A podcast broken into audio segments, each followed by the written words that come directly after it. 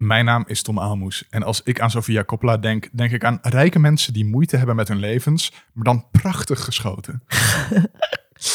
Oh, moet ik? Ik heb nog helemaal niks bedacht. Ah, Mijn naam is ja. Julius Koetsier en als ik aan Sofia Coppola denk, denk ik aan eh, zomer. Mijn naam is Sonny Kemkes. eh, en als ik aan Sofia Coppola denk, dan denk ik aan Japan. Dat is heel makkelijk. Eh, want ik zag Lost in Translation eh, ooit en ik was gefascineerd door Japan en ik had geld over. En toen ging ik naar Japan. Vanwege die film. Niet alleen door die film, maar dat heeft wel het vuurtje aangewakkerd. denk Ah. ik. Wat sommige mensen heel bijzonder vinden. Omdat Ja, jij zag die totale vervreemding en dacht, daar schrijf ik me voor. daar, daar ga ik alleen naartoe en dat komt helemaal goed. En het kwam helemaal goed. Het was Ja. geweldig. Ja. Maar ik moet bij jou ook vragen, waarom aan de zomer? Nou, dat schoot mij zomaar eh, te binnen. Maar omdat ik, ik had nou, Virgin Suicide natuurlijk weer eh, herkeken. Mm. En eh, dat, dat associeer ik met de zomer. Niet per se een heel zomerse film. Maar nee, toch wel, toch wel, toch? Het speelt Met zich af in elk geval rond de zomer. En inderdaad, het lichte... Het de- einde de- van het schooljaar. En zo haar films, de, de, zeker die, de, die, die, die wat oudere, hebben allemaal wel een soort zachte zomerse sfeer, vind ik. En een soort melancholie die ik ook met de zomer associeer, nostalgie. Ehm, ja, ik, associeer, ik vind haar wel een zomerse regisseur. Ja. Mijn naam is Linda Duits. En als ik aan Sofia Coppola denk, dan denk ik aan dageraad. Misschien ook een beetje wat, wat jij hebt. Maar er is, er is heel veel dageraad in haar films. Eh, volgens mij ook omdat dat een handig tijdstip is om op te filmen. Eh, zeker in een drukke stad als eh, Tokio. Ehm, Maar er zit heel veel dageraad. En ik had, ik had die vibe al, want ik had die vraag bedacht. Dus, eh, eh, eh, en, maar ook dus toen ik ehm, eh, ook Virgin Suicides ook weer keek, dan op een gegeven moment dan ligt zij op dat grasveld van het voetbalfield. En dan wordt ze wakker. Daar is ook weer, ook weer allemaal dageraad.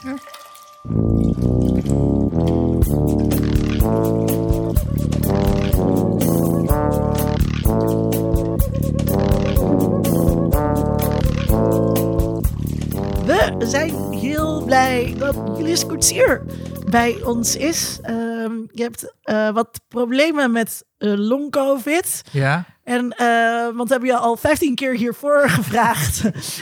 Maar, maar nu ben je er weer. Dus het Ja. doet me deugd dat dat weer kunt. Je bent filmcriticus. Je bent hoofdredacteur van Schokkend Nieuws. En ook maker van de Schokkend Nieuws podcast. Ja. Luister die podcast. Ehm, hebben we... Heb je... Heb je... Je bent nu meer thuis. Ja. Is dat dan juist goed of eh, slecht voor de filmcriticus? dat is slecht voor de filmcriticus, want ik, ik kan niet meer naar persvoorstellingen. eh, ten eerste. Ehm, en op zich, ik, ik, ik fietste vroeger heel veel. Stond ik om zes uur op en dan fietste ik naar Amstelveen en weer terug. En, eh, en, en, en bij dat fietsen kon ik ook goed denken en zo. En dat moet ik nou allemaal... nou, ik, ik kan nu weer kleine stukjes fietsen en lopen. Dus het gaat allemaal de goede kant op. Maar het is... eh, het duurt lang. Ja, Daarom ja. heet het ook long covid natuurlijk. Ja. Ik dacht vroeger dat het dus vanuit de longen was. Ja, dat denken mij heel hebben veel heel mensen. veel mensen dat. En ehm, ja, want dat nadenken, dat is natuurlijk gewoon heel cruciaal. En nadenken is veel moeilijker. Eh, mensen realiseren zich dat vaak niet als je schrijft. Maar nadenken, dat doe je vooral inderdaad op de fiets, onder de douche. Ja. Als je aan het roken bent, Sonny. Ehm, maar en niet achter de computer met een wit schermpje voor je. Dat werkt heel slecht. Nee, nou ja, als, als, je zit te typen, is ook, als schrijven is ook een vorm van nadenken. Maar je, inderdaad, de ideeën komen vaak als je heel iets anders aan het doen bent. Ja. ja. Nou, fijn dat je, dat je er maar bent. ja, ik ben er weer en het gaat weer langzaam de goede kant op. Maar eh, mensen, blijf waken ervoor, want het, het kan jou ook gebeuren. Mm. Niet. Wel. Ja, nou ja, nou ja, dat is misschien wel. Want hoe Haal die kijk, je, hoe, kijk je er, ja, hoe kijk je er tegenaan dat iedereen doet dat het gewoon klaar is? En Ja, dat vind ik heel vervelend. Eh, Ja. eh, ik ben nog steeds... En, en die booster, ja, die helpt ook niet. dit is is wel, hij helpt wel een beetje bij long covid. Maar eh, de kans op long covid wordt ook niet per se zo heel veel kleiner als je gevaccineerd bent. De kans op dat je naar het ziekenhuis wordt, moet kleiner.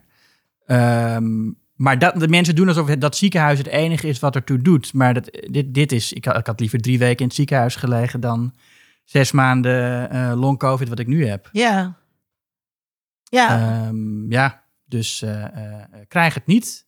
Blijf, maar- blijf je handen wassen. Moet ze eigenlijk sowieso. Het is heel raar dat mensen vroegen: moeten we nog steeds handen wassen? Ja, Ja. dat moet eigenlijk, eigenlijk moet dat sowieso. Maar Eh, ja, gewoon 20 seconden handen wassen en mondkapje in de supermarkt. En ook in de bioscoop ook mondkapje. Eh, handig en goed. En een booster? Ja, ook. Tuurlijk. Alles doen. Alles, alles. Ja, alles op alles zetten. Alles Maar, inzetten. maar, echt, maar als je een goed medisch mondkapje in de bioscoop, dat, is, dat, dat, dat went heel makkelijk en het is echt geen big deal om dat eh, te dragen. Ik had er dus één op eh, eh, toen ik naar een film ging en toen werd ik daarna gebeld van, hey, eh, ik ben positief getest, jij moet je ook even laten testen. Toen bleek dat ik, positief, dat ik ook positief was. En toen, het was een persvoorstelling, dus ik heb toen gewoon een mailtje gestuurd naar de, de, de journalistenlijst van, goh, ik zat in die, in die persvoorstelling en ik heb Mm. nou binnen nou positief getest. Maar niemand anders had COVID daarvan. Hmm. Eh, ik zeg niet dat dat per se door mijn mondkapje komt, maar Het zal zeker de- het, zou Ja. kunnen. Het zou heel goed kunnen. Dat, eh. Dus ja, zorg dat je eh, eh, mond- medische mondkapjes in huis hebt en je handen blijft wassen. Dat is eigenlijk het enige wat je kunt doen. Ja. Ik wou een eh, bruggetje maken, alle, alle dingen inzetten. Omdat ik daar net met Sony over had. Is Sony is gestopt met roken. Mm. Gefeliciteerd. Bedankt. Leuk hè? Is het, vind, je het, vind je het lekker om niet meer te roken? Eh, het kost veel moeite. Ja? Maar ik- dit is dag 9. Dus, oh, dan eh, ben je bijna eroverheen. het Zou gaat- je het- denken? Het gaat, het gaat, het gaat redelijk. Het gaat redelijk. Weet je, het, het ergste is, ze zeggen altijd dat het de eerste paar uur het ergste zijn. En daar Dag slaap je gewoon... Ja? Dag 3 was het ergst. Oké. Ehm, ik ben altijd heel. Ik, ik was. Ik, ik moet toch even heel. Nee, nee, laat maar. Nou, ik wil toch nu even moet je zeggen. het ook zeggen. Ja, ja. Ik ben, ik, ik, ik ben ook gestopt met roken. En dat vindt iedereen heel vervelend dat ik zeg dat ik heb helemaal geen last gehad van, van ontwenningsverschijnselen. Niemand wil dat horen, nee. Dat wil niemand horen, maar Ja. dat is wel zo. Nee, had Om- ik al gezegd dat ik dat- geen long-covid heb. Nee, maar ik denk dat het een heel. Dat het, je moet, het is gewoon een goede eh, eh, tip om het boek te lezen: The Easy Way to Quit Smoking van Alan Carr. En te onthouden dat als je slaapt, dan slaap je gewoon door al die ontwenningsverschijnselen heen. Dus zo heftig kunnen ze niet zijn. Ja, dat doen ze trouwens ook met, eh met eh, heroïneverslaafden. Die moeten gaan aan het begin heel veel slapen. Sorry, je bruggetje naar mij. Eh, ook fijn dat jij er weer bent. Ja, weer al. Sorry, alweer. vorige keer was je er ook. Toen was je aan het invallen voor Natasja. Nu stond je ehm, op de lijst. Oh. Hm? Oeh. Op de lijst. Ja, ja. cool. Wil je nog iets zeggen? Stoppen met roken, ziek zijn. Iets algemeens gezelligs. Eh, nee, het gaat hartstikke goed eigenlijk verder. Alleen maar positieve dingen. Oké, laten we Maar dan... vind je het fijn dat je nieuwe dingen kunt proeven?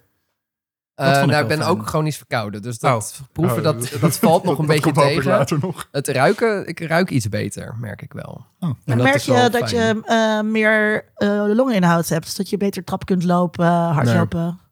Nou, ja, nou, ik was naar de sportschool gisteren.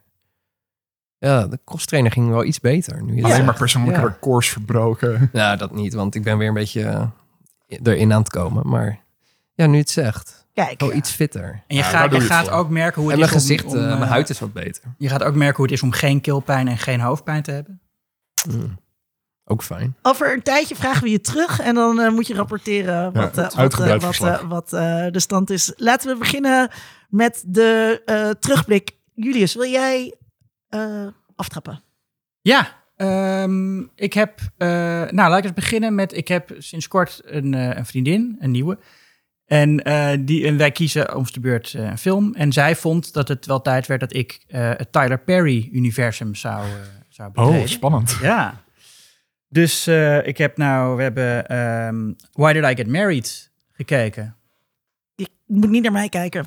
Ook niet naar mij. Ook niet naar mij. Ik heb het ook niet gezien. Nee, ja, nee, zie je, dat weet dat, ja, Nou ja, Tyler Perry is een Amerikaanse regisseur die vooral bij de zwarte Amerikaanse gemeenschap heel populair is.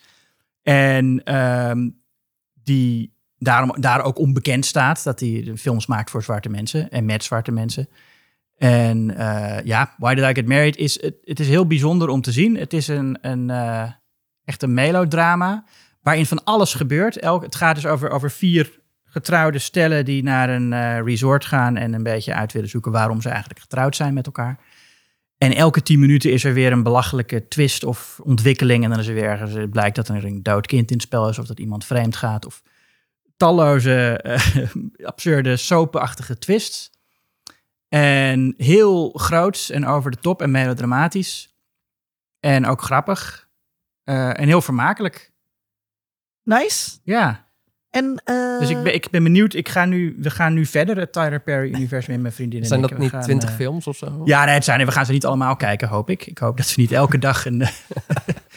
maar uh, nou ja, dat, uh, dat, is, dat, is, dat is wel iets waar ik naar uitkijk om verder te verkennen wat die man allemaal gemaakt heeft. Jij kent de regisseur? Ja, ik ken hem wel. Ik, uh, met Dia is een ding, toch? Ja, Medea is, dat is zijn, zijn vrouwelijke karakter. personage. Heeft uh, Jan Dino niet, niet zijn hele carrière eigenlijk op, ja. op, op dit ge gemodelleerd? ja, nou, maar het grappige aan die Medea-films, ik heb er dus nog geen gezien, maar ik heb ervan gehoord. Dat zijn eigenlijk ook allemaal best wel drama's. Maar dan zit hij er dus tussen als een soort ja, Eddie Murphy-achtige ja. vrou ja, vrouw... die dan een heel karikaturaal comedy-personage is... in wat verder een heel serieus melodrama is. Okay. Oh, interessant. Ja. Daar ben ik wel eigenlijk benieuwd naar. Uh, ja, dat lijkt me ook. ja. Had je nog een tweede tip? Um, ja, ik ben bezig met The Simpsons herkijken. Oh, kijk, dat uh, is wel een project. Dat is een project. Ja. Alles. Ik ben er, nou, tot en met seizoen 12 ga ik. Oké. Okay. Want daarna wordt het echt wel minder. Het, is dan al een tijdje minder. Maar ik wil toch kijken of ik ergens aan het begin van seizoen 12 heb ik een beetje de grens van tot daar wil ik het. Uh, ik ben er een paar jaar mee bezig nou al hoor. Maar ik zit nou bij, bij seizoen 10. Uh, maar de, en, en ik vind het echt fijn. Ik, had, ik heb al die afleveringen natuurlijk al eerder gezien. Maar ik vind het fijn om ze echt in een project van een paar jaar gewoon rustig aan op chronologische volgorde al die seizoenen langs te gaan.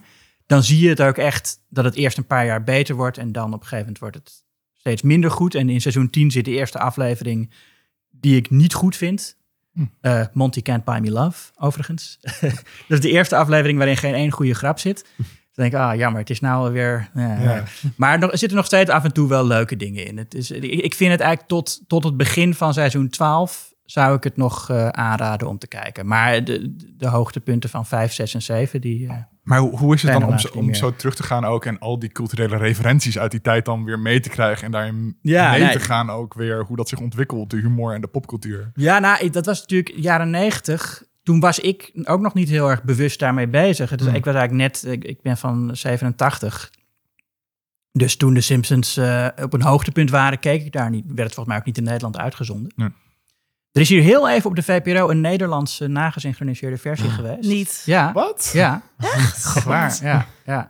Kun je nog een heel klein stukje van op YouTube vinden. Eh, maar, ehm, eh, maar nee, dat is, eh, dat is Wanneer was dat? Jaren negentig. Ja, dan zal dat ook niet bij Be- beeld en geluid meer in het archief zijn, denk ik. Nee, dat denk ik ook niet. Die, tenminste, beeld en geluid is heel slecht geweest met de televisiearchieven. Ah. Oh. They had one job. It's in the name. Nou ja, dus, ja, je moet, het, moet het niet helemaal. Dus beeld en geluid is pas later opgericht. Maar eh, de publieke omroep is heel slecht geweest met het Ah, archiveren mm. van, eh, van televisie. Omdat het gewoon gezien werd als eh, dermate oppervlakkig dat je dat niet hoefde te bewaren voor het nageslacht. Ja. Zonde. Ja, nee, er is echt heel veel is er weg. En wat er dus is, zijn mensen die dus dingen eh, zelf op videoband bijvoorbeeld hebben gezet. En dat is wat je dus ook op YouTube dan heel veel terugziet. Van die kleine stukjes. En dan zie je ook echt, oh ja, dit is eh, van video. Hmm. Ja. Ja, maar dat terzijde. Ja. Grappig. ja, maar goed, ja, nee, het is, eh, nou, ik, het, is, het is gewoon een fantastische serie natuurlijk. En eh, zeker de beste seizoenen. Het is ongelooflijk dat daar gewoon echt geen slechte aflevering tussen zit. In die stuk of, er zijn een stuk of honderd afleveringen na elkaar die gewoon allemaal fantastisch zijn. En eh, ja, Ik denk erg. dat ik er misschien tien gezien heb. Ah, Echt? En ik ben toen, twee jaar geleden, toen dacht ik, ja, ik ga alles kijken. Eh, en toen was ik begonnen, ik denk tot en met aflevering vijf. En toen kwam, Ja, was- maar- kwam er weer iets anders. Ja. En dan, Ja, je moet ook, als je, als je bij seizoen 1 begint, is het ook vaak. Seizoen 1 is niet zo goed als het, als het later wordt. Dus je moet eigenlijk, dat vind ik. Ik, heb het, ik vind het zo vervelend dat mensen tegenwoordig, als je zegt, als je een sitcom aanraadt en dan zeg je van het eerste seizoen is nog niet zo goed. Dan zeggen ze, oh ja, maar ik ga niet een heel eer, stom eerste seizoen kijken, als, als- omdat het daarna goed wordt. Over, over de Amerikaanse versie van The Office hoor je dat vaak, hè? En, maar dan denk ik altijd, ja, maar het is een sitcom. Begin gewoon in het midden. Dat Ja, was maakt vroeger, er- het maakt helemaal niet uit. Vroeger was dat toch ook niet zo. Dat als, je, als, als er iets op tv was, dan keek je er gewoon naar. Maar nu we alles kunnen streamen, wil iedereen beginnen bij het begin. Als Ja. je Comedy Central aanzet en zo van... Oh nee, dit is eh, seizoen 5, aflevering 17. Dat Is al bezig. Zet het uit. Ja. Nee, begin gewoon in het midden. En als je fan bent, dan ga je terug naar het begin en zie je hoe het Oké. allemaal begon. Dus ik kan ook eh, gewoon ja. even de beste 20 afleveringen googlen en die eens kijken. Ja, En- ja, dat zou ik maar doen. Ja. Ja. Sowieso zit er in The Simpsons ook eigenlijk bijna geen eh, eh, eh, Plotontwikkeling. episode overarching eh plotontwikkeling. Nee, een paar niet. Krusty the Clown dingen misschien. ja, je moet wel weten wie Sideshow Bob is op een gegeven moment. Maar dat Ja. inderdaad verder, ja. Ja, maar dan is het ook aan het begin van de aflevering. Oh nee, hij is weer terug. En dan zit je, oké, hij is weer... Ja, Blijkbaar ja. hebben we hem eerder gezien. Cool. Ja, dat Ja, maakt dat ook weer is- niet zoveel uit. Maar dat is net als bij Friends. Dan we, we- je weet ook dat die mensen af en aan relaties hebben. Dus als je een willekeurige aflevering kijkt, dan weet je meteen: oh, hier hebben Ross en Rachel wel wat. Of hier niet. En dat doet er Mm. ook helemaal niet toe Nee. wat dat nou is. Ja. Eh, grappig. Ehm, Tom. Eh, ik heb naar eh, de nieuwe verfilming van All Quiet on the Western Front gekeken. Westes nicht Neues. Ehm, die is afgelopen week uitgekomen op Netflix. eh, omdat het ook de week was waarin 11-11 de wapenstilstand van de Eerste Wereldoorlog was. En dat is een verfilming van een roman waarin eigenlijk in de jaren de- 20 voor het eerst openlijk werd geschreven over de ervaring van frontsoldaten in die loopgravenoorlog aan het Westfront eh, in de Eerste Wereldoorlog.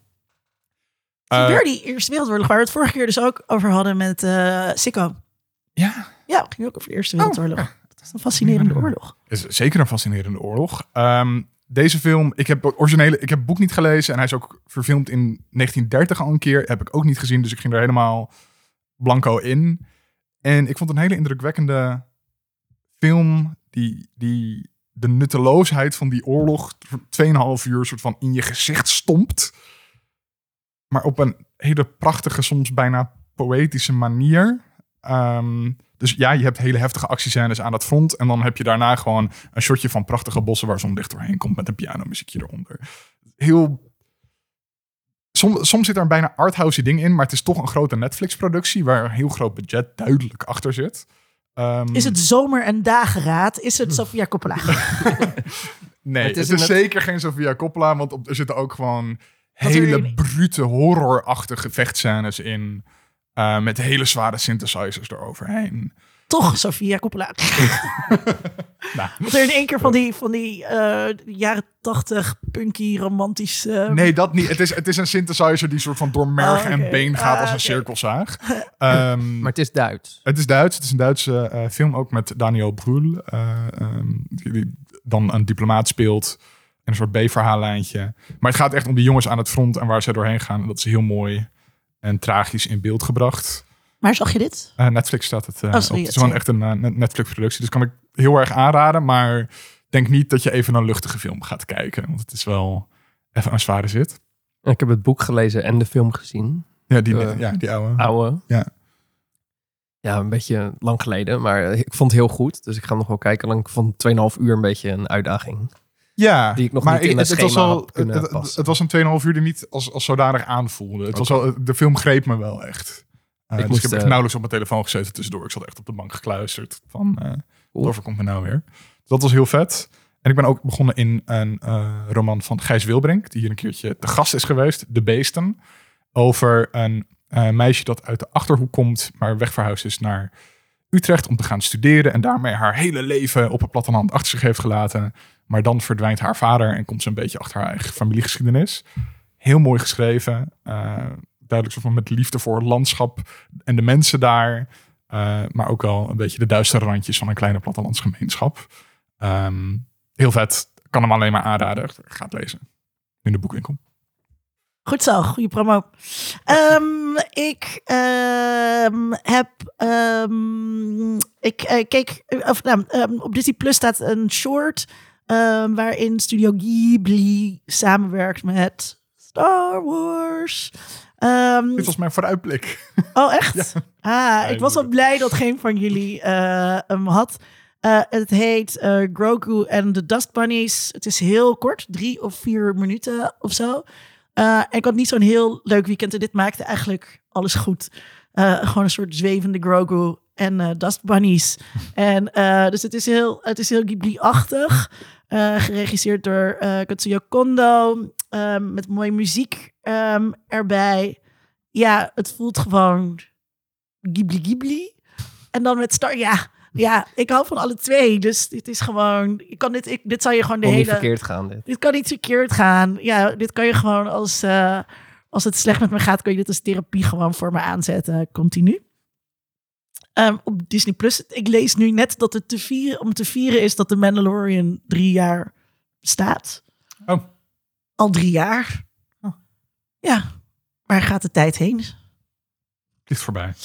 Ehm, en eh, daarnaast kan ik dan zeggen, ik weet niet, als Natasha luistert, dan kan ze blij zijn. Maar ik ben eindelijk begonnen aan Shit's Creek. Want jij die Hè, laatst hè. niet ook al, Tom? Nee. Wie, ik weet niet meer wie die dan... was de gast die ook aanraden. Ik heb het ooit ook wel eens gezegd. Ja, het is natuurlijk al heel vaak eh, eh, gezegd. Dus dat betreft is het misschien niet echt een tip voor de luisteraar die denkt eindelijk. Ehm, maar ja, eh, comedy. Eh, wat altijd een beetje raar is om comedy-series of om sitcoms te bingen.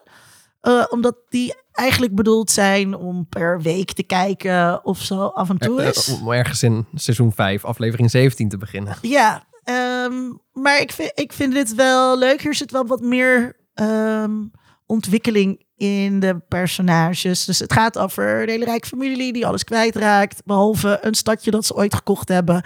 En dat heet Shit's Creek. En dat is ook echt Shit's Creek. En ehm, ik maakte vorige week met de andere podcast een aflevering over de verbeelding van het platteland. En over hoe er, er een soort hoe er door boeren een soort romantisch beeld van het platteland geschetst wordt, wat al lang niet meer bestaat. En, eh, maar waar ze wel heel veel politieke baat bij hebben, blijkt nu de hele tijd. Enorme aanrader met Esther Peren, die daar eh, onderzoek eh, naar doet.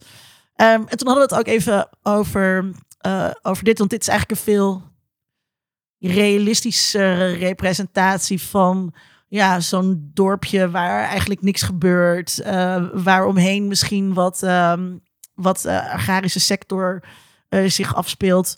Ehm, maar waar het voor de rest heel ellendig is en mensen heel graag weg willen. Dus dat is dus of je hebt een soort boer zoekt vrouw, romantische representatie van de boer die nog 's ochtends vroeg opstaat om de koeien te melken, wat al lang niet meer is. Koeien melken zichzelf.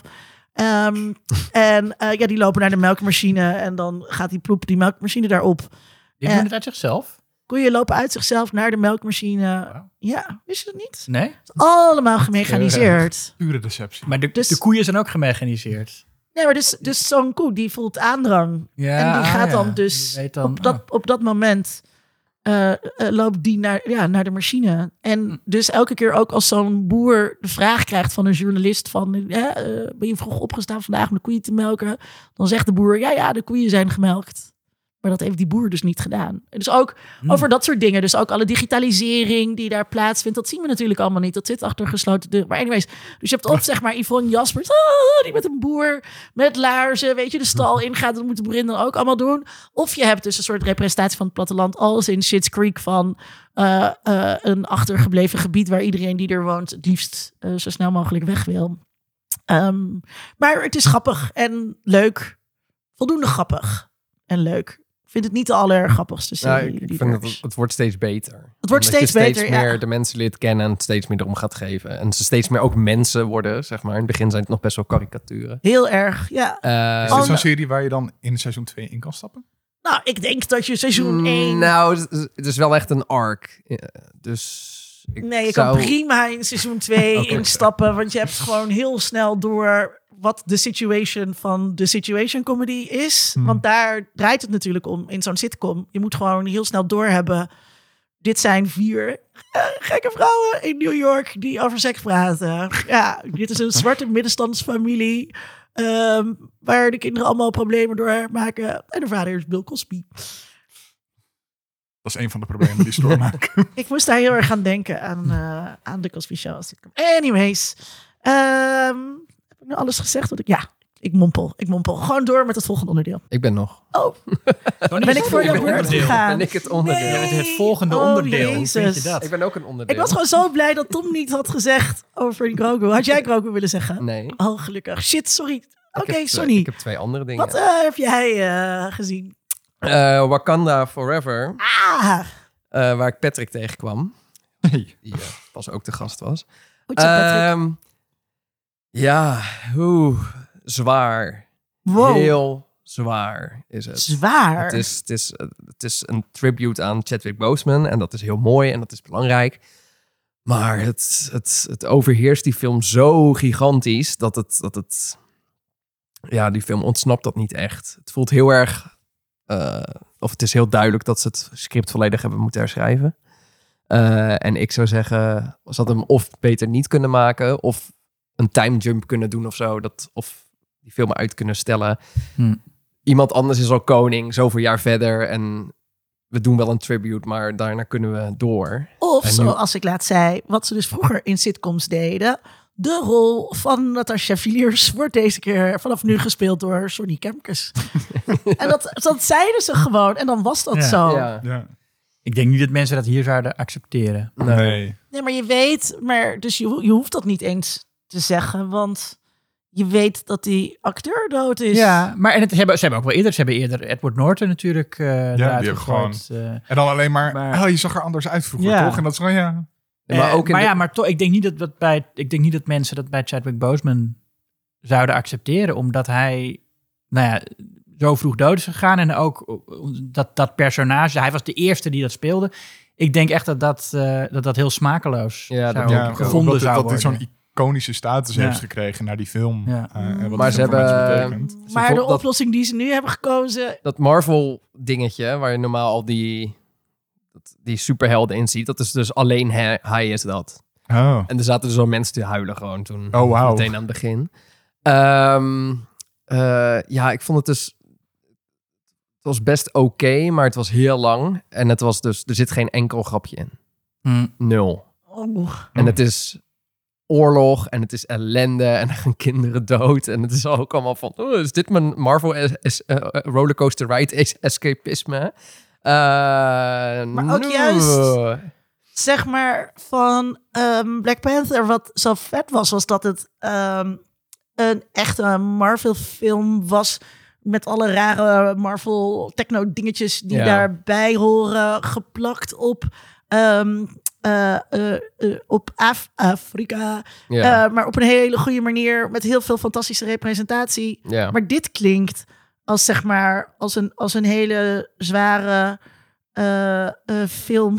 ja. All Quiet on the Western Front. Ja. All, All Quiet on the Wakandan. Ja, eh, Dus eh, kijk, ik, kijk ik een film over de geschiedenis van de slavernij in Amerika of kijk ik Wakanda Forever? Ja, nou ja, kijk, eh, Namor zit erin. Een van de oude Marvel villains. Question mark. Eh, die in de comics van Atlant, koning van Atlantis is. Maar hier is die van een soort inheems, eh, inheemse Iets- iets- Azteken, Maya of, of Azteken. die- Ja. die verjaagd zijn en toen onder, door Spanjaarden en onder water zijn gaan wonen. En nou, dan is het ook een beetje dus twee minderheden die dan met elkaar het aan de stok krijgen. En dan denk ik van, maar werk dan samen. En het, ja, het werkte niet echt van, ja. Er zitten nog wel oké dingen in. Ik, maar ik vond bijvoorbeeld Ironheart zit erin, de nieuwe Tony Stark. Of Een meisje, Oh. een zwart meisje van 16. Oh, weer die woke-mensen, die hebben weer een zin gekregen. Eh, maar haar pak was zo lelijk dat ik, dat ik het gewoon... Ja, ik, eh, ik wilde het goed vinden, maar ja, 6,5. Wow. Oh. Ja, ja ik, hoef, ik denk niet dat ik het ooit nog herkijk. nou, 6,5, dat vind ik. Dat is Nou ja, voor een- al- alle voor een- Marvel films zijn volgens mij een beetje 6,5. Mm, Maar wat geef jij normaal een Marvel film? Ja, dat, maar dat verschilt bij mij heel erg. Wat, wat ik gaf je vind- of- originele Black Panther? Mm, die niet van- acht. Dat, is- maar dat vind ik ook wel echt een van de betere. Ja. Maar Ja. dat is dus... Acht en een half misschien. Ja, ik heb, dat, is echt vind het- een, dat is echt een film.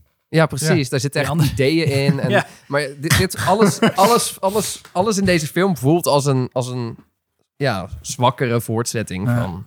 Maar het is wel heel. Ik, ik, ik heb de film nog niet gezien, dus ik vind het moeilijk om daar dan iets over, over te zeggen. Maar ehm, het, het voelt een beetje als een soort experiment, hè? Black Panther, wat, wat Marvel toen deed. Van we nemen hier een risico mee. Het wordt ook heel erg in dat kader geplaatst. En ook in dat kader eh, of binnen dat frame was ook heel veel van de publiciteit voor de film. En kijkers hoe blij eh, eh, jonge mensen zijn die zichzelf eindelijk herkennen op een scherm. Nou, al die dingen. Ehm, dat hoopvolle, zeg maar, dat erin zit. En dan worden dus hier bepaalde keuzes gemaakt. En op het, op het moment dat dit dus niet goed gaat... en dat dit niet... dan kan Marvel dus ook weer zeggen... als ze bij hun eh, eh, evaluatievergadering zeggen... oké, nou, het was een goed experiment... Meer witte mensen. en bla bla. Maar volgende keer gaan we toch... Ik ben daar heel... Nou, de, de Heel film krijgt wel voor. hele goede recensies. Van alles wat ik voorbij heb Oh. zien komen, was echt gewoon laaiend enthousiast.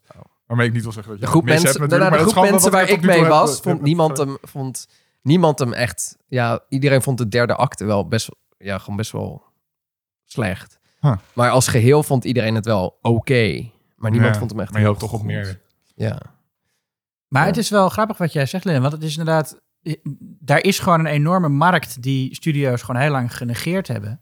Ik moest ook weer aan, aan Tyler Perry denken, waar ik net over had. Ja. Die, die heeft gewoon echt een imperium wat helemaal aan de witte bevolking voorbij gaat. En in Nederland komen ze ook nooit in de bioscoop, die films. Terwijl hier ook heel veel zwarte mensen wonen die ze gewoon kennen. Mijn, mijn vriendin die vertelt, ja, wij, wij kennen allemaal Tyler Perry. En dat is, maar niet, wordt hier niet, als, als die hier in de bioscoop zouden komen, zouden ze hier ook... eh, Want, want Cinecenter denkt, dat publiek trekken wij niet of zo.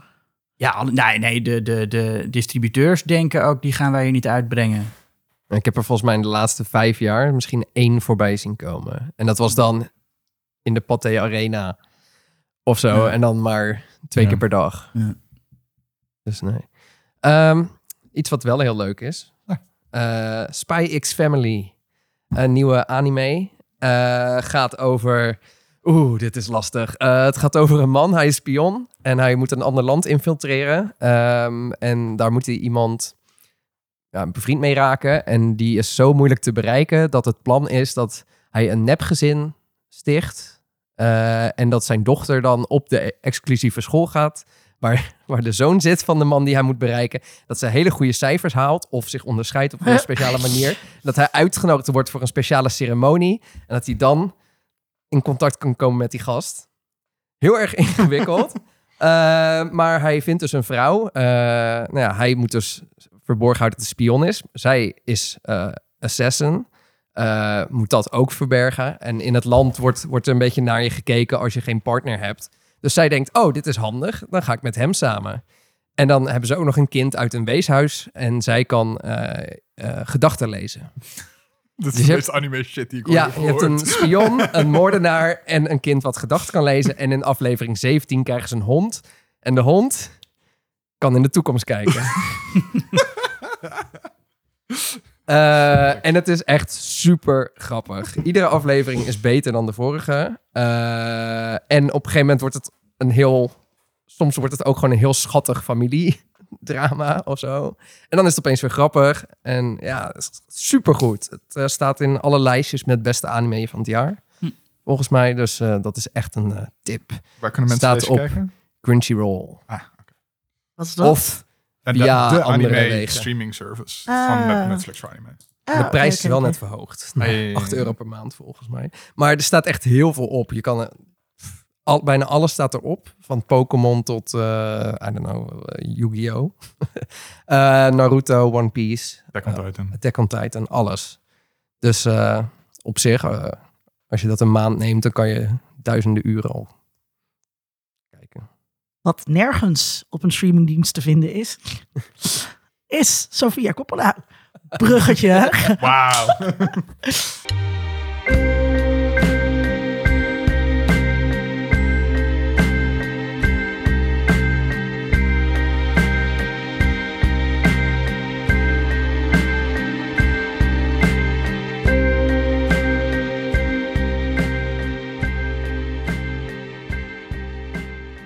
niet te streamen. Hoezo dan?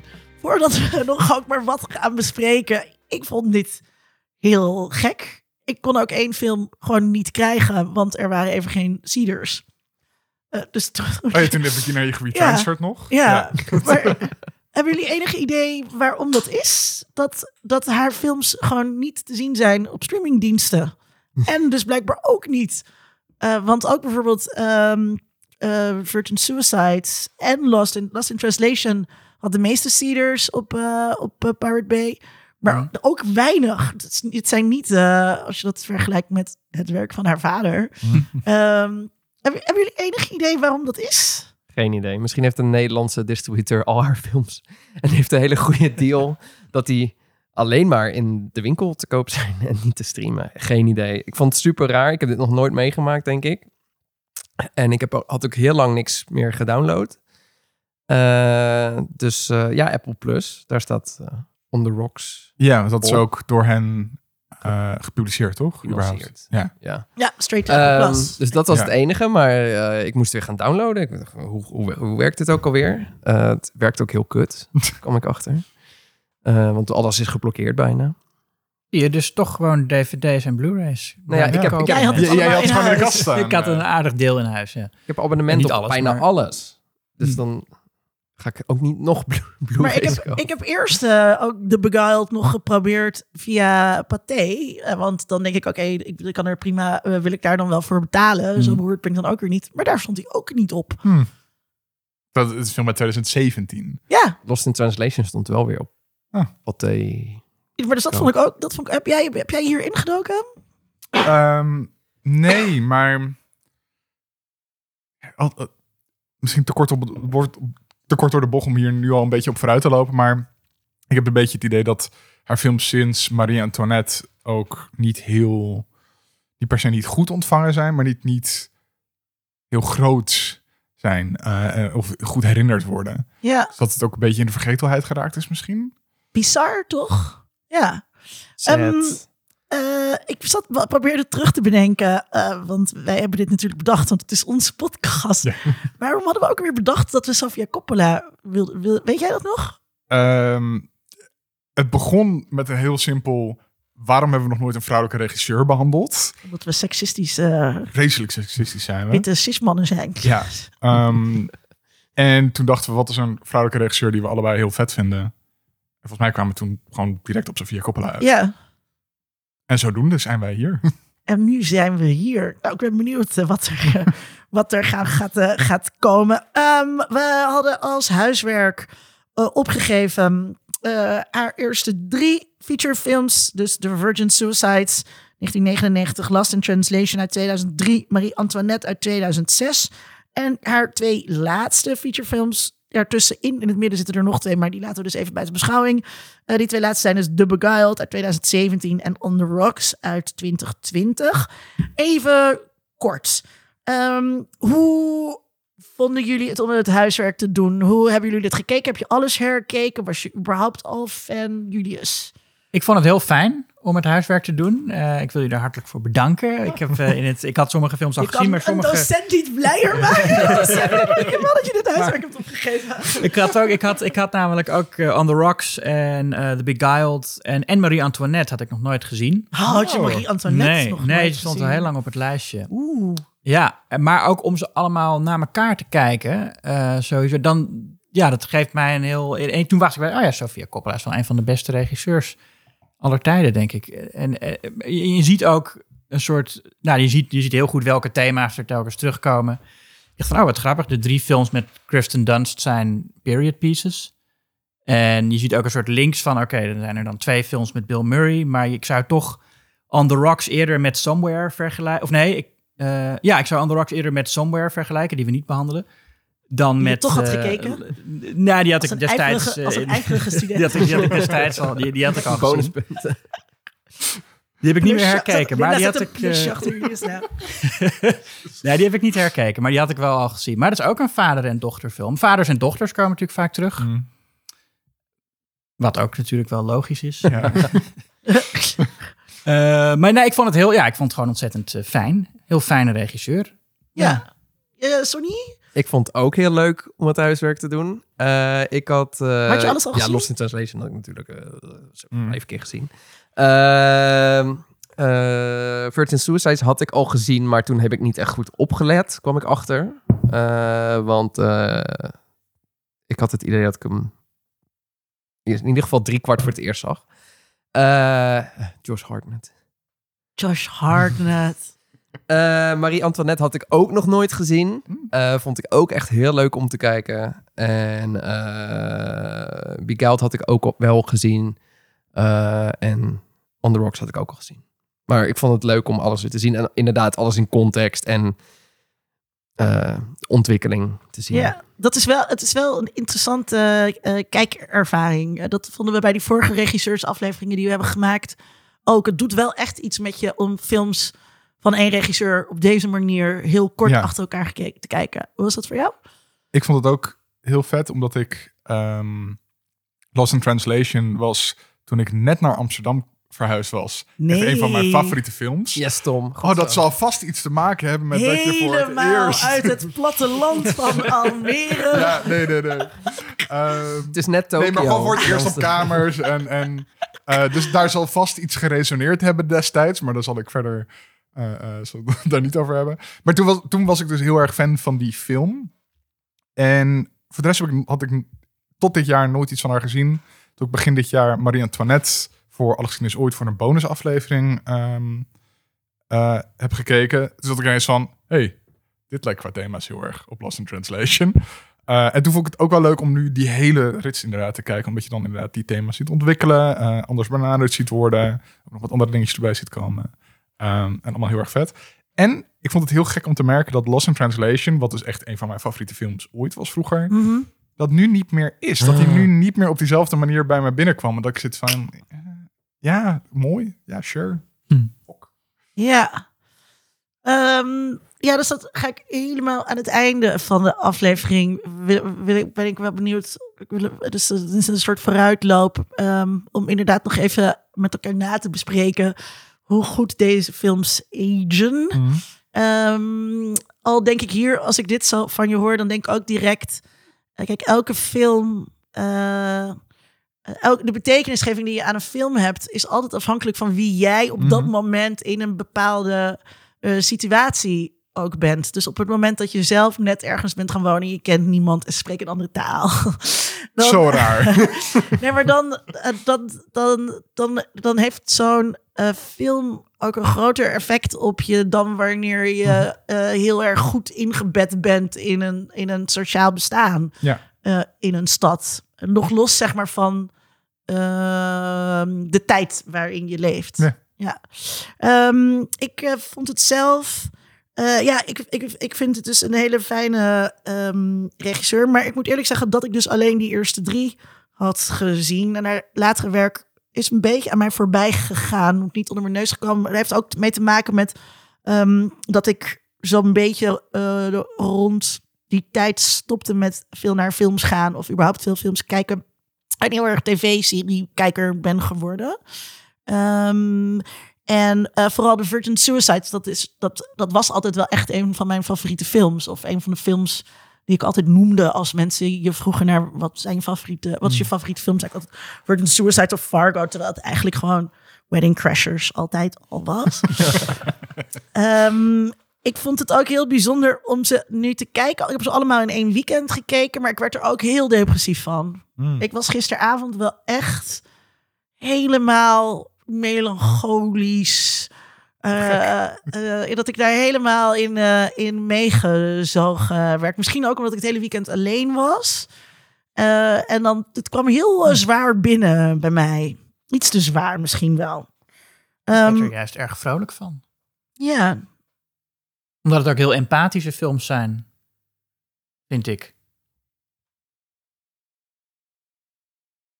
Eh, maar Dead Air, Dead Air. Ja, ik vind dat, dat, Dead Air eh, komt omdat de, omdat de host, omdat de presentator even aan het nadenken was. Zeg jij eens iets, Tom? Dan denk ik Ja, nee, ik, na. ik, ik, ik herken dat wel. Gewoon om weer terug te komen op dat Lost in Translation voorbeeld.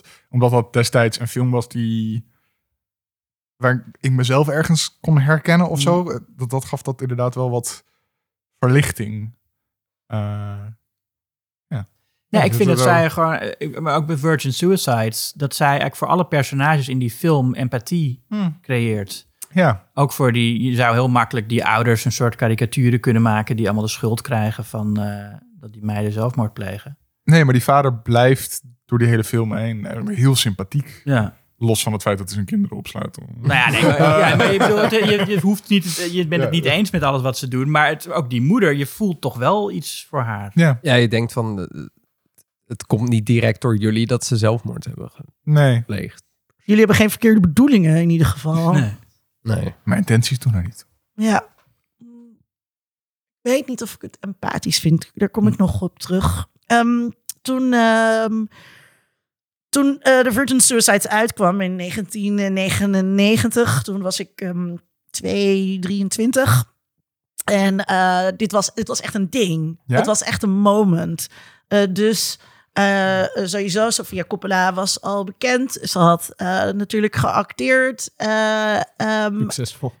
en, Ja, zwaar daarmee geworden. ja, nou, daar moeten we daar we het zo ook even over hebben. Maar ehm, het was echt een hype, omdat zij die film zonder eh, ehm, gebruik te maken van haar vader had geproduceerd. Maar ze is natuurlijk heel erg eh, de dochter van. En omdat die film zo anders eigenlijk is dan, dan eh, Francis Ford Coppola's eh, films. Er waren toen ook, er waren natuurlijk al wel vrouwelijke regisseurs, maar ook niet zo heel erg veel. Ehm, het was echt een mega. Ik, her- ik herinner het me in ieder geval wel echt als een mega moment. ehm, eh, dat gebeurde. Jullie zijn allemaal broekies. Ehm, dus jullie waren daar niet bij. Maar goed, jij bent Nee. een filmcriticus. Ja. Weet, je, weet jij, want jij was in 1999.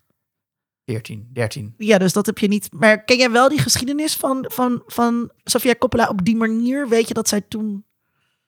Of kijk je, de, Ja, lees je dat soort we- dingen ik nooit we- terug? Jawel, soms wel. Ik, in dit geval weet ik, ik weet dat zij natuurlijk eh, bekend was als dochter van. En dat die film, ehm, ja, dat was, maar goed, in die tijd waren in de jaren negentig, waren dat, werden dat soort films ook veel vaker een, een moment.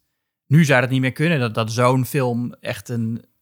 Films waren toen ook vaak een moment. Ik weet nog, Ja. Pulp Fiction was zo'n moment. The Matrix was Ja, zo'n en- moment. ja, en Truman precies. Show is volgens mij net iets... Dit is ook denk ik rond dezelfde tijd. Ja, Truman Show Ja, is is ook 99, negen- toch? Ook 99. 98. Volgens mij 98. Ja. Maar goed, Titanic had je daarvoor ook een film die nu... Dat is heel wat anders. Maar ja, nu, nu is het allemaal... Ja, al- als een film een moment is, is het een Marvel of een Disney film. Of ja, is het een Disney film? Heeft ook te maken met waar we het net over hadden trouwens. Dat er dus... Dat, die, dat er geen DVD-markt meer is, is natuurlijk ook de reden dat dit soort films die vaak op DVD de helft van hun inkomsten hebben, niet meer gemaakt worden en ook niet meer te streamen zijn. Ja.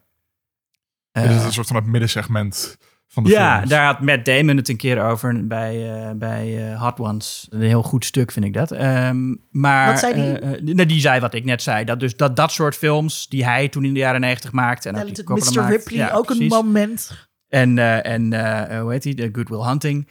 Dat die, ja, die waren op, op video en op DVD. Verdienden die vaak gewoon echt de helft van wat ze. En het, met, stream- met een streamingdienst kan dat nooit. Ja. Maar dat, ik denk toch echt een beetje eh, streaming TV killed the movie star. Ja, zeker. Dat, ehm, ja, eh, dus nou, wat ik zeg, dat, eh, dat ik ben gestopt omdat je ook, je kunt zoveel meer met eh streamings, met met die, met die kwaliteitstelevisie kun je zo goed personages uitdiepen, verhaallijnen opzetten, gelaagde personages, contextualisering, alles. Hmm, Ehm, ja, En, maar en dan, zit je, dan zit je er jaren aan vast. Ja. Nou ja, dat, en dan, zit, dan zit je er jaren aan vast, zegt degene die alle Simpsons eh, wil herkijken. Ehm, en ik denk dat dus ook ook wel- heel veel van het soort van... ehm, eh, nou, een beetje zeg maar het Cinecenter publiek. Ja, Mhm. die, die hebben nu ook allemaal abonnementen op streaming services. En eh, die kijken misschien niet zoveel als dat wij kijken. Maar die kijken wel eh, naar eh, Succession en... eh, eh, en dat kost, dat kost toch meer tijd om Succession te kijken dan om een paar van dit soort films te bezoeken. Ja, ik denk dat het Ja. wel veelzeggend is dat die laatste film van haar, ehm, eh, On the Rocks, wat eigenlijk een soort van bijna romcom-achtig script is, dat door haar regie wat hogers wordt dan het anders geweest was, denk ik, eh, dat dat direct-to-streaming was. Eh, omdat dat dan de enige plek is waar een regisseur als zij eh, eh, dan tot een recht kan komen. Omdat Apple dan bereid is om te betalen Ja. voor de naam Coppola. Ja. Om een eigen streamingdienst wat Ja. meer cloud te geven. Eh, Ik dacht dat zij een van die mensen was die ook zo'n contract had, zeg maar, dat ze vijf films ging maken of zo voor Apple. Maar Ja. volgens mij is dat niet, het, niet het geval. Nee, ik zat bij In Production te kijken, bij, de, bij haar IMDb. En eh er stond één film, maar dat was nog niet echt. Nee. En dan iets van een tv-serie of zo. Maar Ehm, teleurstellend. laten we het even hebben. We, we maken de grap maken we niet meer zo vaak over de auteur eh, die dood is. Mhm. Ehm, maar eh, ehm, laten we, ja, Laten we het, laten we het wel weer maken zonder te willen hebben over bedoelingen. Maar we moeten het wel even hebben over haar eh, als persoon eh, en ehm, wat voor effect dat heeft op haar als auteur. Want ze is altijd de dochter van. Is dat, is dat een voordeel of een nadeel? Eh, als je het wil maken in de filmwereld, is het denk ik eh, om te beginnen een voordeel. Ik denk dat het echt een voordeel is geweest dat het ervoor heeft gezorgd dat zij eh, heeft kunnen maken wat ze wilde maken. En dat dat voor ons dus ook een voordeel is dat er zo, zo iemand is die, eh, die dat privilege heeft. Daar, daar genieten wij van. En wat Ehm, is dat privilege? Dan is dat opgroeien in Hollywood en al die acteurs kennen? Ja, en dat je met je vader, eh, dat je, en ja, en dat je als, als de dochter van binnenkomt. Maar, en daarna moet je het natuurlijk wel waarmaken. En dan is het eigenlijk alleen een nadeel, denk ik, als je niet goed bent. Ja. Want ik zie haar helemaal, als jij zegt net, ze is altijd de dochter van. Maar ik vind, nou, ten eerste, ik vind haar werk helemaal niet lijken op dat van haar vader. Absoluut niet, vind ik ook. Ja. Dat is En- bijna een antithese. ja. Ja. en ten tweede, zij Ik, is... ik, vind ook, ik ben namelijk helemaal geen eh Coppola-fan. nou, ik ben van sommige van, van, eh, ik sorry, ben, van eh, Francis Francis, Ford. Francis Ford. Ik vind sommige van Francis Ford's films eh, heel erg goed. Maar ik, zou, ik ben eerder een, een Sofia Coppola-fan dan een Francis Ford Coppola-fan. Bedenk ik nu. Ehm, als, ik, als ik een van de twee zou moeten kiezen als... Als je mij zou vragen, je mag nog maar films van één van die twee mensen zien. Nou, Godfather heb ik allemaal wel genoeg gezien. Ik, ik heb meer zin om nog een keer eh Sofia Ja. Coppola te kijken. Sorry, Dracula. Maar ze is, Oh. maar ze is, eh, maar ze is al, dat komt door de naam ook, weet je wel. Mhm. Dus ehm eh, Rashida Jones, ik kwam ik achter, stuurde ik aan Sony, blijkt de dochter van Quincy, Quincy, Jones. Ja. Ehm, en die doet, zit natuurlijk in een andere industrie, maar Jones, ja, er heten zoveel mensen Jones. Dus Ja. als je ergens Ja. binnenkomt, dan zegt niemand, goh, ben je familie van? Maar Coppola, Ja, dus ook als je... royalty in, in Hollywood. niet voor niks dat Nicolas Cage eh, als Nicolas Cage door het leven gaat. Ja. Ja, En niet als, eh als eh, Nicolas Coppola. Weet die Nicolas eigenlijk? Hoe heet die? Wat is zijn voornaam eigenlijk? Gewoon Nicolas. Oh, gewoon ja. dat, dus, dus daarmee, ja, ook als, als eh, stel dat jij nog nooit een film had gezien van haar en ik zei, oh, je moet dus zo voor Coppola, dan had je ook meteen gezegd, oh, is zij de dochter van? Ja, Mhm. tuurlijk. Of familie van? Weet Ja. je, daar kan je nooit uit loskomen. Maar haar stijl is dus heel anders, vinden we. Ja, ik denk, ja, ik denk niet dat het... Ik denk dat het heel erg haar geholpen heeft om de eerste film te maken. En, en Waarvan dus gezegd de- wordt, dat heeft ze helemaal zonder zijn... Ja, Ja, maar, heeft natuurlijk het netwerk als jij, naar, opvoeding. als, je, als je funding nodig hebt voor je film en je heet zo en je kent al mensen waarschijnlijk. Natuurlijk heeft ze het zelf gedaan, maar ze kent toch ook al mensen. Ja, dan is dat gewoon makkelijker. Dat is toch sowieso. Dus ik denk dat bij de eerste één of twee films heeft het geholpen. En ik denk dat het daarna wel vanzelf is gegaan. Ja, Alleen dan vraag ik me af waarom het nu een beetje stil is. Uh, maar misschien uh, is het gewoon niet haar hoogste prioriteit om nieuwe films te maken. Dat kan Nou, het is ook zo dat er sowieso niet meer van dat soort films gemaakt worden. Veel minder, Nee. dat is ook. Nou, zo'n On The Rocks, dat, dat, dat, dat zou misschien nog wel kunnen. Maar een, een, een uh, Marie Antoinette of een uh, Lost in Translation, dat is, lijkt me wat lastiger, inderdaad. Um, haar vader is meestal ook betrokken bij de projecten. Zij vraagt hem veel om adviezen. Zien we invloed van hem? Nee, dus alleen wat ik net zeg, dat het bijna de antithese is van, van zijn werk. Dus wat jij vorige aflevering precies zei over hoe macho zijn werk is en over patriarchale uh, uh, stammen. Um, dat, Sofia Coppola is het precies tegenovergestelde van. Dat is veel zachter, heeft nog steeds wel oog voor die familiebanden en zo, maar uh, um, wat minder op, gericht op autoriteit, maar meer op affectiviteit. Daarin. En hoe autoriteit fout kan lopen binnen families. Ja. Ik denk dat het meer. Als je het kan zien in, in een bepaalde relatie tot zijn werk, kan je het alleen maar zien als een soort van 180 graden draai van zijn werk. Het is natuurlijk ook lastig als je, want je zegt, zie je invloed? De, in, de invloed van Coppola zie je het eigenlijk overal wel, toch? Ik bedoel, dat, ja, gewoon moderne, moderne film. Ja, ja, Ja. jaren 70 Hollywood, het, het, het Misschien wel natuurlijke de acteren grootste van die Amerikaanse tijd. Ja. filmauteur of zo wordt hij gezien. Ja, en ja, hoe, hoe ja, in, in The Godfather en The Conversation is toch ook mede verantwoordelijk voor, voor een acteerstijl ook die, die nu heel populair is. En die je ook in, Coppola, in, in Sofia Coppola's films ziet. Ja. Maar dat, dat geldt dus voor elke regisseur. Ja. ja, dat is niet uniek aan haar. Ik, eh, ik zat te denken. ehm, w- want we- ja, dus misschien even voor de luisteraar. Dus we hebben het over, eh, over haar als auteur. En dat betekent eigenlijk als je met films het hebt over eh, een regisseur als auteur, dan gaat het niet over dat eh, ze ook de script schrijft, wat zij wel doet. Maar ehm, dat er een bepaald soort lijn zeg maar, te herkennen is in het oeuvre eh, van iemand. Waar echt een eigen stijl te herkennen is, eigen thematiek, allemaal dingen waar we straks verder over gaan praten. Dat ehm, ik denk wel dat The Virgin Suicides is een soort van film waarmee je een oeuvre gaat maken. Hm. Weet je wel, dat is wel. Eh, heel veel regisseurs beginnen natuurlijk gewoon met een horrorfilm of met een comedy. En eh, pas later in hun leven krijgen ze de kans ook om eh, aan een oeuvre te gaan bouwen of om zo'n eigen stijl te gaan ontwikkelen. Terwijl Virgin Suicide is zo'n unieke film, niet lijkend denk ik op, op andere films, op de manier waarop zij die film neerzet. Daar zie je al wel meteen, dit kan het. En ik denk, eh, ehm, om dat zelfvertrouwen ook te hebben, Ja. om zoiets te gaan doen, dan helpt het wel als je vader Francis Ford is en aan je zij staat en in je gelooft en dat je dat van hem, daar moest ik heel erg aan denken, dat dat misschien Ja. ook de invloed heeft, meer persoonlijk. Zou goed kunnen. Ehm, zij speelde natuurlijk. Nou, het was dus heel toevallig dat ik net al die Godfathers heb gekeken. En had ik het in de vorige aflevering. eh, had ik het daar toevallig over. Ehm, ja, moeten we daar iets over zeggen over haar rol in Godfather 3? Ik vond haar dus helemaal niet slecht. Ja, ik, ik heb de... Die op Amazon Prime staat, is dat de, de Director's Cut. De, heeft een aparte titel of zo. En daar...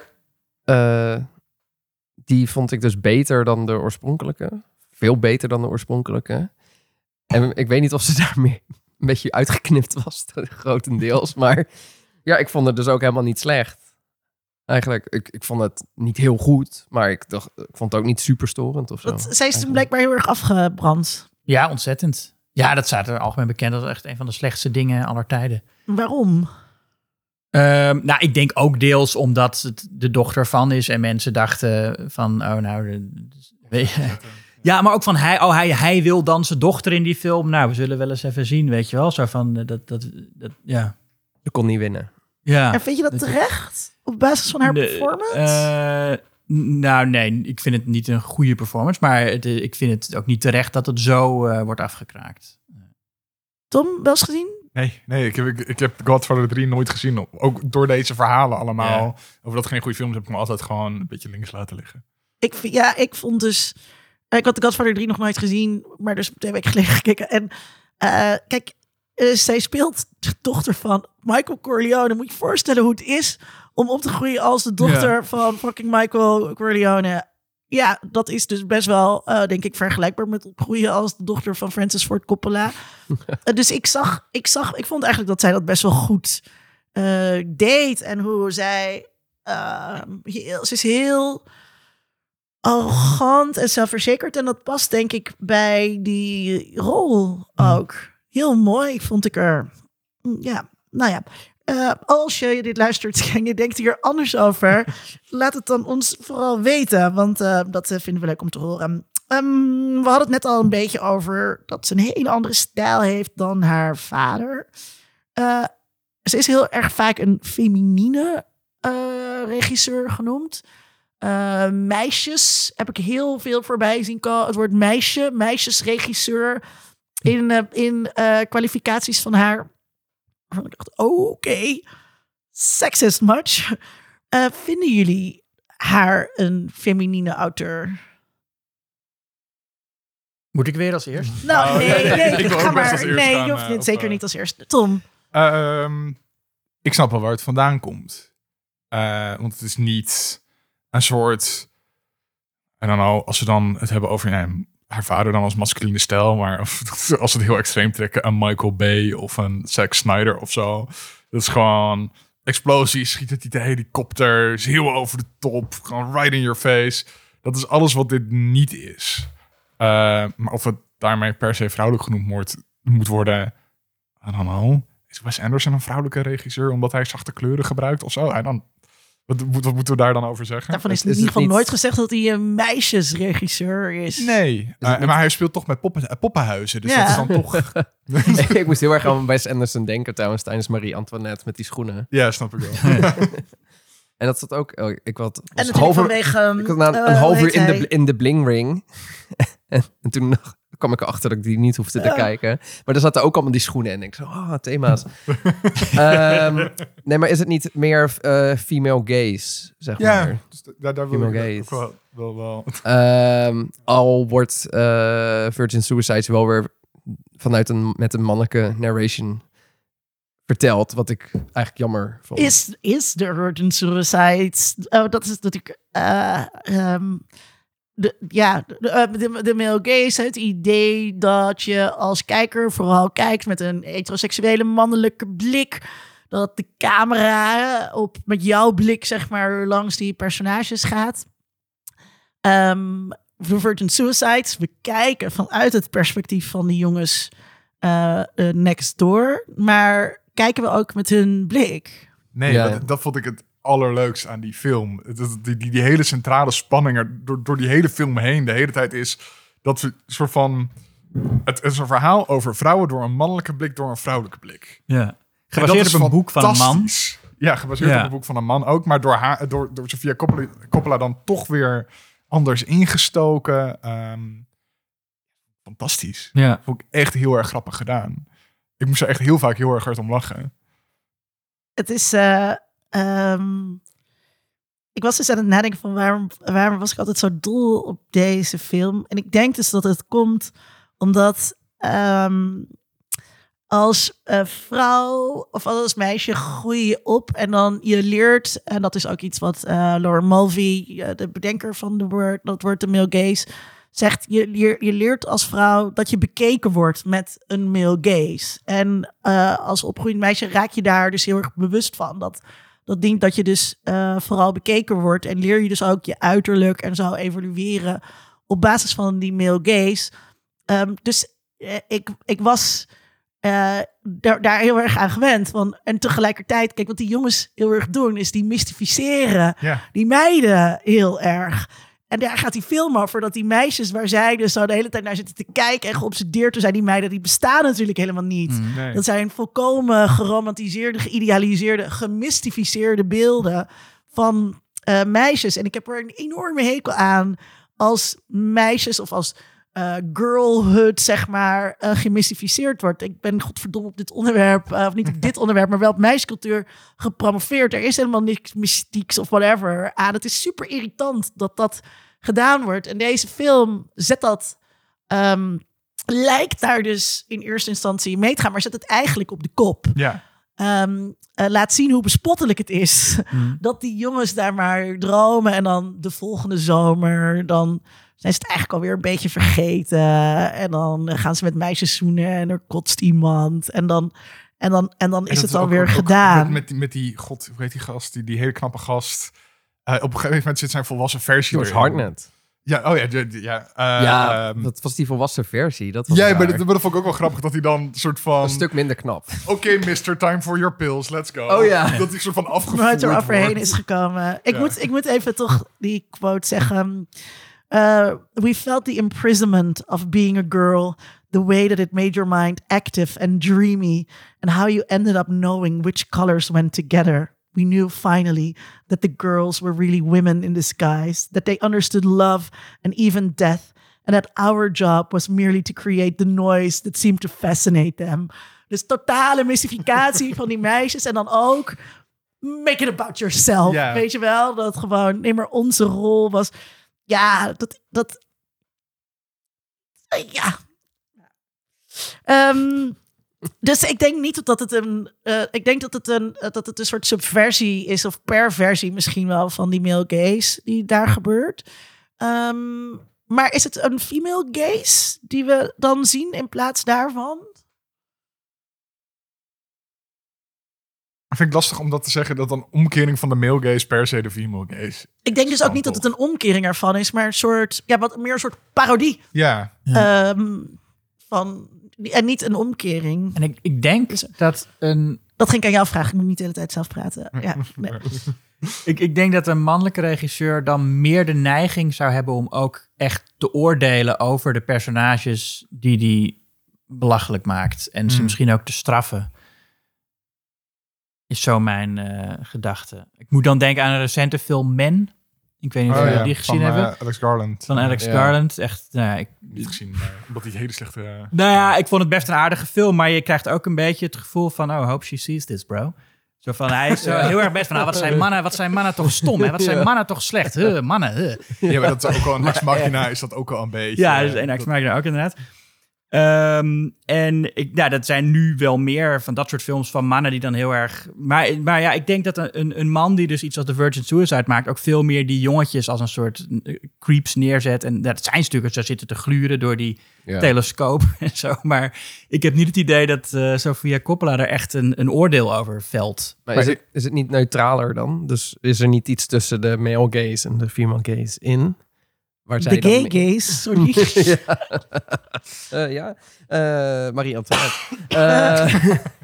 Eh, nee, maar dat, dat, dat, dat zij niet in een van de twee hokjes past misschien. Nou, ik denk dat het sowieso ehm, dat dit heel lastig is om films aan te wijzen waar je echt een female gaze hebt. Ehm, de beste, wat het beste een female gaze benadert, is denk ik de gay gaze in homoporno, waar dus ook eh, hetero vrouwen graag naar kijken. Ehm, en ja, in films ken ik die, die eigenlijk niet, eh, niet, niet zo. Dus een film die heel erg gezien wordt als female gaze is bijvoorbeeld Portrait of a Lady on Fire. Maar dat is dan ook weer een lesbische eh, gaze. Dus dat is, dat is ook weer anders. Dus die hele mogelijkheid van een female gaze vind ik heel interessant. En zie je, zie je bijna nergens. Magic Mike? Of is dat weer heel plat van mij gedacht? Ja, ik denk dat dat toch wel te plat is en te erg gericht op humor. Oké. Nou, een- ik, omdat jij zei homoporno, dacht ik Ja. aan... ik- ja. Ja, ik snap, ik snap je associatie. Maar het is een beetje, zeg maar, zoals toen er zoveel kritiek kwam op Blurred Lines, dat liedje van eh Thick. Hm. Eh, toen gingen, kwamen er ook dan video's waarin ze dat omdraaiden. En dan moeten mensen meteen lachen. En dat is dus niet een female gaze. Nee, nee, precies. Dat, ehm, eh, het zit trouwens ook wel echt in eh, Lost in Translation. Waar we meekijken vanuit eh, Bill Murray. Dat is het perspectief waar, waarmee we beginnen. Eh, we beginnen met zijn vervreemding. Hoe hij naar Scarlett Johansson... We beginnen met haar ondergoed. Beginnen Ja. met haar ondergoed? Dus het opening Ja, shot haar is kont. haar in, in De doorgeheen female gaze. onderzoek op, de, op, op het bed. Dat de roze Hmm. door Dat is een iconisch openingsshot. Oh, Ja, even ziet- niet... eh, Je ziet, maar het is, ik, dat is ook... Ik, ik denk ook niet liep dat ik zeker net van de computer naar de bank. Oh, ja, ja, Dat ik die film had aangezet. Ik denk ook niet dat een mannelijke regisseur dat shot had willen maken. Want het, is, het, het shot is gewoon helemaal stil en je ziet alleen maar de billen van Scarlett Johansson in een doorschijnend roze onderbroekje en dan staat er Lost in Translation. En verder gebeurt er dus niks. Nee. Ik denk dat een mannelijke regisseur zo'n scène eerder... eh, dat hij het wel zou willen laten zien, maar niet zou durven om dat zo direct als openingsshot en dan dat er ook verder helemaal niks gebeurt en alleen maar dat. Maar er zijn zat mannelijke regisseurs die dan toch daar de keuze hadden gemaakt van... en dan beginnen we bij de voeten en dan Ja, nou, zoiets. Zo, Ik denk dat ze eerder een soort... actiever zou zijn. Ja, en, en, en, en ja, ik, ik denk dat Sofia Coppola gewoon geen angst heeft om als pervers gezien te worden als zij eh, eh, de billen van Scarlett Johansson gewoon in omdat het mooi is. Hmm. Klaar. Weet je wel? Maar zijn jullie het eens dat de film, vooral vanuit het perspectief van Bill Murray, dat we met hem meekijken? Ehm, Ik zou zeggen eh, eh, eh, dat dat het. Ik denk niet dat Scar- de eerste keer dat we Scarlett Johansson zien is inderdaad vanuit de blik van Bill Murray, maar dan wordt zij de tweede vocalisator van die film. Want we zien Japan ook door haar ogen. Dus zij speelt daar echt wel een actieve rol in. Zij is niet zomaar een object wat Bill Murray begeert. Dat, dat is er niet aan de hand. En ik denk dat de film haar ook niet seksualiseert op zo'n manier. Ik denk dat ze. Ik denk dus wel. Ik vond wel dat je vanuit Bill Murray kijkt. Maar eh, wat ik heel mooi vind. Is dat ze als heel gelijkwaardig worden neergezet. Dus ondanks dat leeftijdsverschil, verschil in ervaring. zijn zij alle twee eh, vervreemd in Lost. Japan. En hebben ze het alle twee leuk met elkaar en betekenen ze alle twee evenveel voor elkaar. En Op een andere manier, maar ze zijn wel gelijk wat dat betreft. Dat is juist zo mooi, zo krachtig. Ehm, is dit een eh, feministische auteur? Ik moet hier nog even iets. eh, ik luisterde de vorige aflevering terug. Dan moet ik nog even wat zeggen. Want ik was dus eh, bier halen. Ondertussen had ik. De, Ja, had de- die, deze ik de vraag- had ik de vraag gedropt. En en toen ging ik even bier halen. En eh, toen werd er iets over gezegd. Maar het is natuurlijk een heel feministische daad om mannen te bevragen naar de mate van feminisme en vervolgens zelf weg te lopen. Dat was wel een power move. Ja. Het feit dat ik dat bier ging halen komt omdat ik helaas geen personeel of cupbearer heb. maar ja, dat was dus een feministische daad.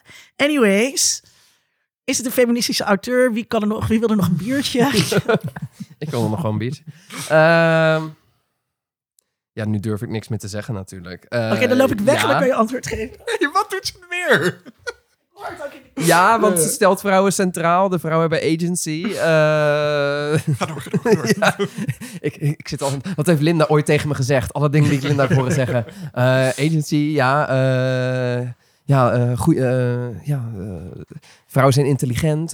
ze maken goede keuzes. Vind, je- vind je niet dat feminisme te ver gaat tegen... Oh shit.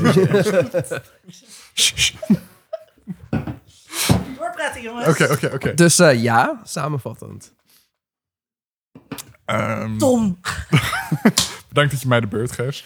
Ehm, Ik, ik denk dat eh, eh, hoe hoe zij met Marie-Antoinette omgaat, bijvoorbeeld, die toch vaak eh, een soort symbool is van, van decadentie Mhm. en, en, eh, en eh, alles waar de Franse Revolutie terecht tegen was. Ehm, daar zie je, nou ja, ik dat is misschien niet per se feministisch, maar ik zie daar wel een, een feminine touch in. ja, maar het, en, en het is wel goed dat je ook, ook even eh, Marie Antoinette aantal. Want dat is waarom ik het moeilijk vind om dan echt te zeggen van... Yes, feminisme, let's go. Omdat er toch altijd een soort klassenlijn Hmm. ook doorheen loopt. eh, waarin ik dan zit van... eh, hoe feministisch is het om alleen maar de hele tijd terug te komen op eh, het leed van hele rijke prominente vrouwen? Is dat dan het feminisme waar we de bar voor zetten? Ehm, niet niet dat, dat de empathie waarmee ze die personages benadert, dat ik dat verkeerd vind. Want dat vond ik juist heel mooi aan haar werk. Hoe dat er doorheen loopt. Ehm, maar haar feminisme is daarmee wel beperkt of zo. Ja, nee, dat is... eh, Nee, het is, zij, het is geen feministische auteur, helemaal niet, op geen enkele manier.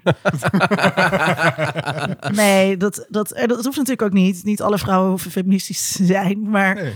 ehm, ik- ja, ik vind dat ze heel duidelijk een, een vrouwelijke eh regisseur is. Maar ehm, ja, oké, dat, dat ze, ze zet Marie Antoinette inderdaad neer als met, de met agency.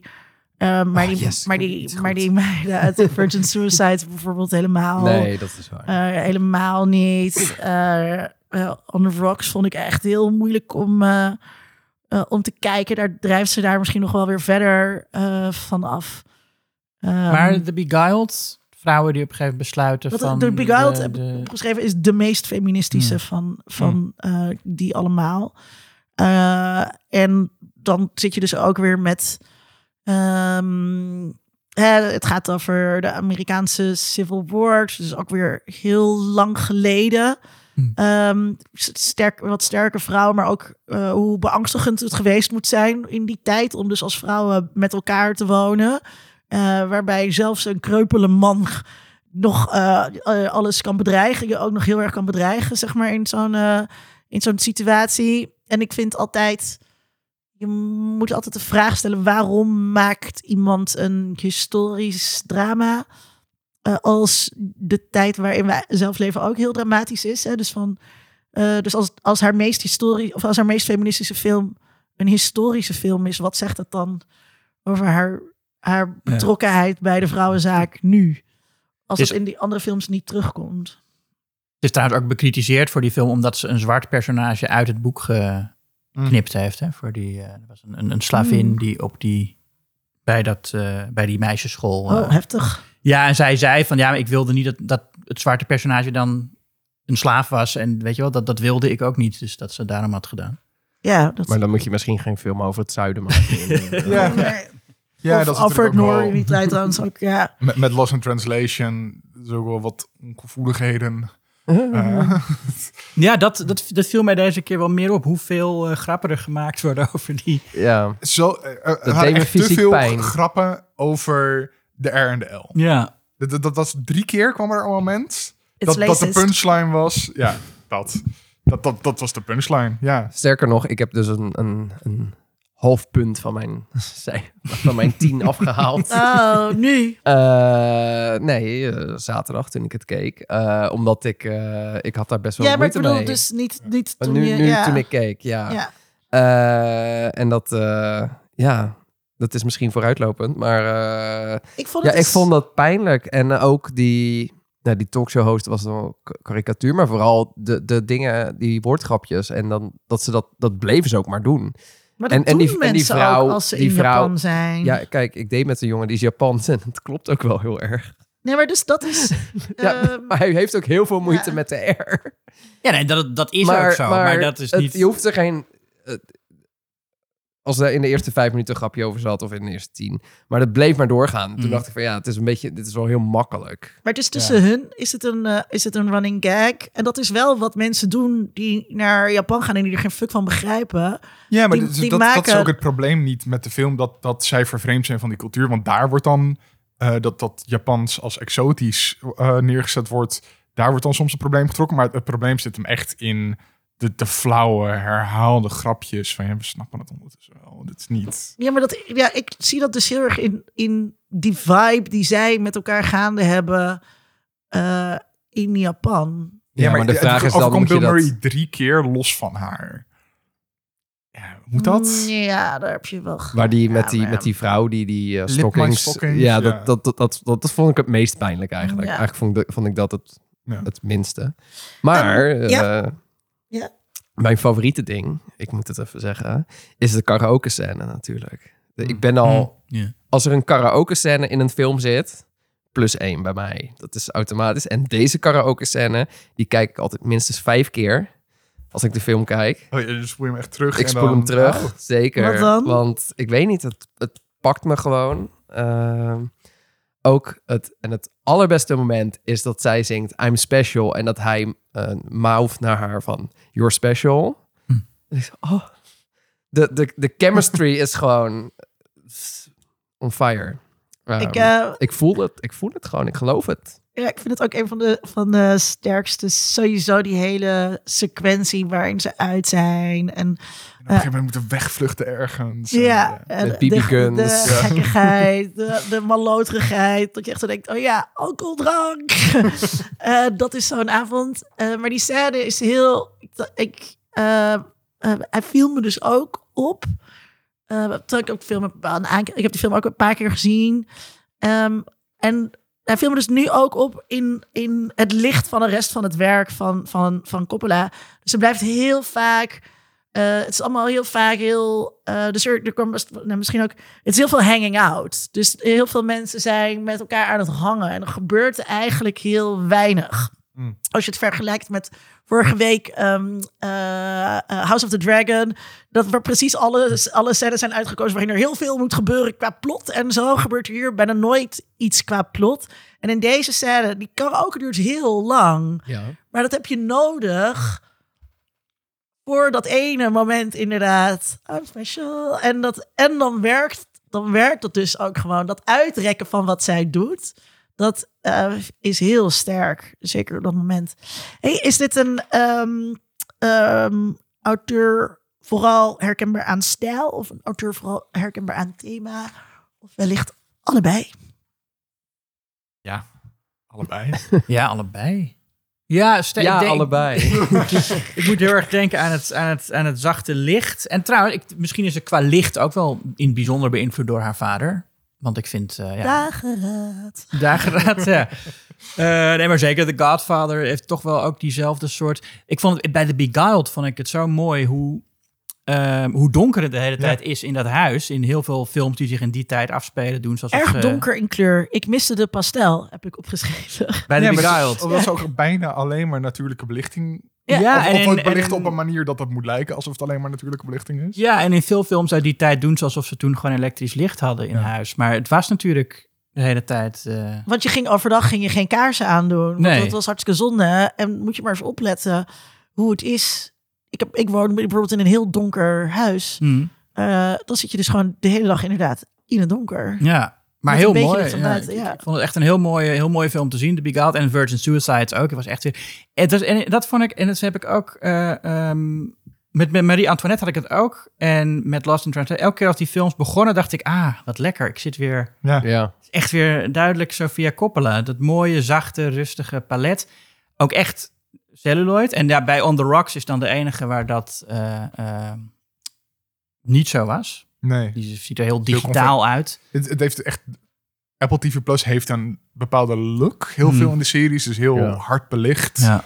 Eh, dus dus ja, Ted Lasso heeft dat, maar ook eh, de Foundation heeft dat ook. Die, die lijken heel erg op elkaar, ondanks dat het totaal verschillende is. Qua belichting alleen, niet qua... Ik ben de enige persoon trouwens volgens mij die de foundation goed wil. Ja, ja. inderdaad. Eh, Ja, on- on- maar- on en, the en Rocks dat lijkt alsof eh, dit er daar weer in zit. Alsof Apple gewoon zit van... Dingen moeten er zien alsof ze bij ons in een winkel opgenomen zijn. Ja, Rocks is de enige film die niet eh, mooi is. Ik niet echt lelijk of zo, maar ook maar Nee. niet, niet heel mooi. Ehm, En eh celluloid typisch. nou ja, ja je, dat zie je wel nog zeker aan, aan Virgin Suicide. Dat je toch een bepaald soort eh, warmte hebt van celluloid die je met digitale film veel moeilijker kunt krijgen. Ja, warmte.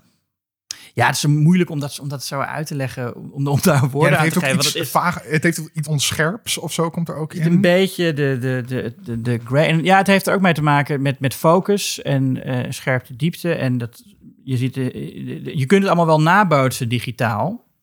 Ehm, maar bijvoorbeeld dat je eh, dingen die, die op de voorgrond in focus zijn en op de achtergrond wat vager. Dat met digitaal is mee, kun je gewoon zorgen dat alles scherp is. Maar dat wil je niet altijd, althans als je mooie shots wil maken. En met, met celluloid heb je veel, eh, ja, veel mooier focusverschil. Het is precies wat mensen natuurlijk altijd zeggen, of wat oudere mensen altijd zeggen over het verschil tussen eh, de LP en de CD. Ehm, Ja, dat, maar dat en en dat, bestaat ook. dat, Mm, dat ja. verlies aan gevoel, zeg maar, wat daarbij gaat. Nou, nee, het, het, is, het is anders. Ik, het zijn er ook heel mooie digitaal. Ik vind bijvoorbeeld Michael Mann, die heeft op met digitaal eh, prachtige dingen gedaan die, eh, die je niet met celluloid kan doen. Maar het is wel, het is wel echt. Het, het, het is, het is een ander medium dat je gebruikt. En bepaalde dingen zijn makkelijker met het ene Ja. medium dan het andere. Ja, hoe zouden jullie haar stijl kenschetsen? Ik weet niet of ik iets toe te voegen heb op jullie qua, qua dus inderdaad het zacht licht, eh, bepaalde traagheid in de shots ook.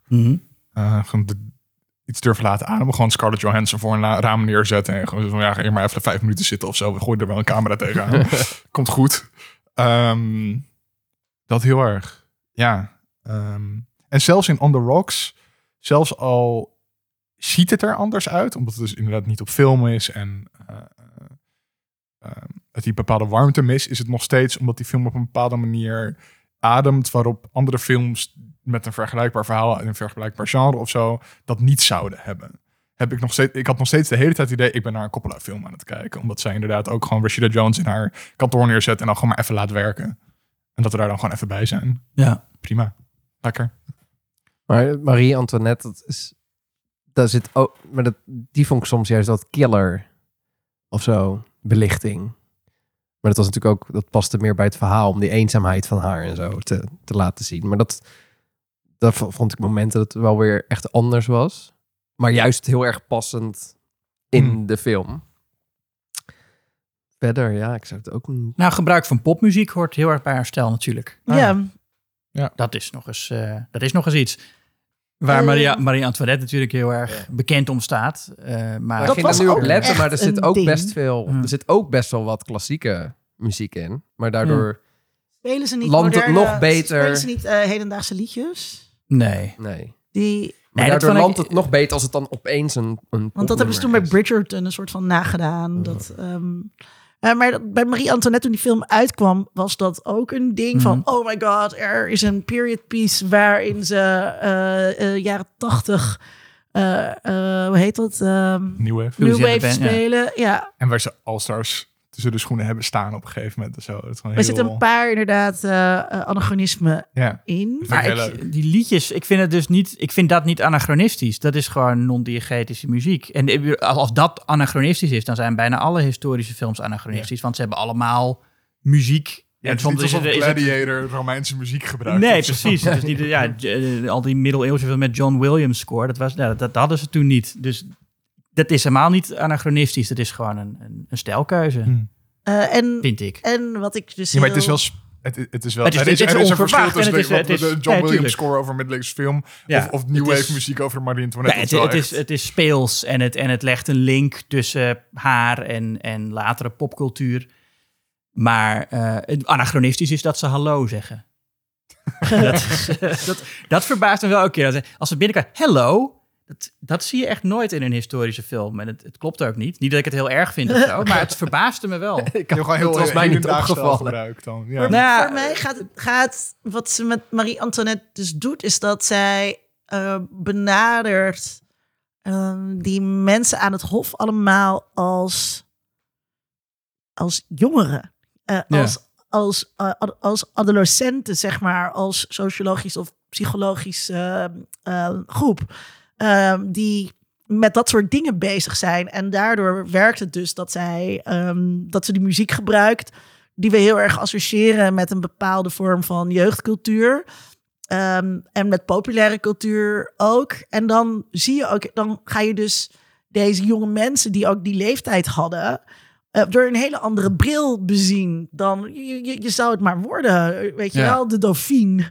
Je weet, Eh, Jason Schwartzman als Lodewijk de 16. Ja. Ja, daarom had jij natuurlijk Oh, ook die associatie met Wes. Anderson vanwege Jason Ja. Schwartzman. Ja. Eh, ja, en gewoon eh, de schoenen en de taart en de, de Ja. shot steeds van die, van Ja. die dingen. En die, en die Niet zeg door maar, het drugsgebruik en de alcohol. Maar dus die, ja, maar dus die totale indulgence eh, die zij hebben, geen maten kennen, geen eh gevolgen voor hun daden zien, er tussenuit willen sneaken eh, de hele tijd.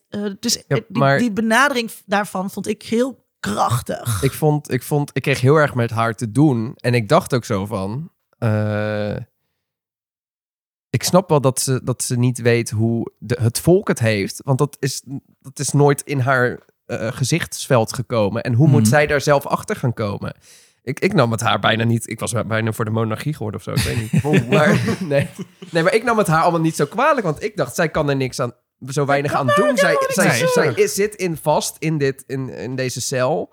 En, maar zij weet ook niet helemaal wat er buiten gebeurt. Dus ja, ze gokt wel heel veel. En ze zeggen wel tegen haar, oeh, misschien moet je iets minder uitgeven. Maar, en Maar- de echte Mar- Marie Antoinette was wel echt heel erg reaction- reactionair hoor. Dat is, dat is geen leuke vrouw. Oké. Ja. maar Maar het is Nee, maar Kirsten Dunst is wel leuk. eh, omdat gewoon heel erg bekend is dat eh, eh, na de revolutie, dus zoals het in de film eh, zit. Een heel historisch college dit. Maar we weten gewoon dat zij in het reactionaire kamp na de revolutie zat. Dat toen eh, eh, Lodewijk XVI een soort van een constitutioneel monarch was. Dat zij een van degenen was die zich daar het heftigst tegen verzette. Ja. Daar, daar laten we het voor nu even Voor mij is, Ja, is maar er dat- maar één maar dat- Marie Antoinette en dat is Kirsten Dunst. ja, maar dus dat, wat mij betreft neemt dat niet weg. En het is Nee, totaal heel- niet. Dus dat wil ik helemaal niet. Ik, ik, ik vind het heel, heel interessant hoe ze daar neergezet wordt. Ja. Maar het is geen historische film. Ja, maar En dus het is- daarom, vind ik dus, daarom vind ik dus juist. eh dus daarom vroeg van waarom weet je dat? Want de historische bronnen die over haar zijn geschreven, Hmm. of die we uit die tijd ehm, hebben, zijn natuurlijk registrerend op een bepaalde manier. En eh, wat ik zo tof vind, wat ik net zei over wat Coppola doet, is die. ehm, eh, die laat haar zien als gewoon als een, als een adolescent, als een, als een jong Ja, volwassene. ja. In die, en geen van die historische bronnen eh, Heeft dat perspectief heeft daarop. ooit Mhm. natuurlijk haar dat gegeven, snap je? Dus Hmm. we weten gewoon ook niet wie, hoe zij was en of ze gezellig was en leuk om eh, Nee. een glas bubbels mee te drinken en macarons mee te eten. Waarschijnlijk wel. Ja, dat, maar dus dat, dat Ja. en, en nou ja, Er zijn wel Eh, een paar citaten van haar bekend, toch? Er zit eentje in de film dat ze tegen haar dochter zegt... eh, als jij een jongetje was, was je de dochter van Frankrijk... maar nu ben je van mij. Ja. Eh, dat heeft ze eigenlijk tegen een andere dochter gezegd.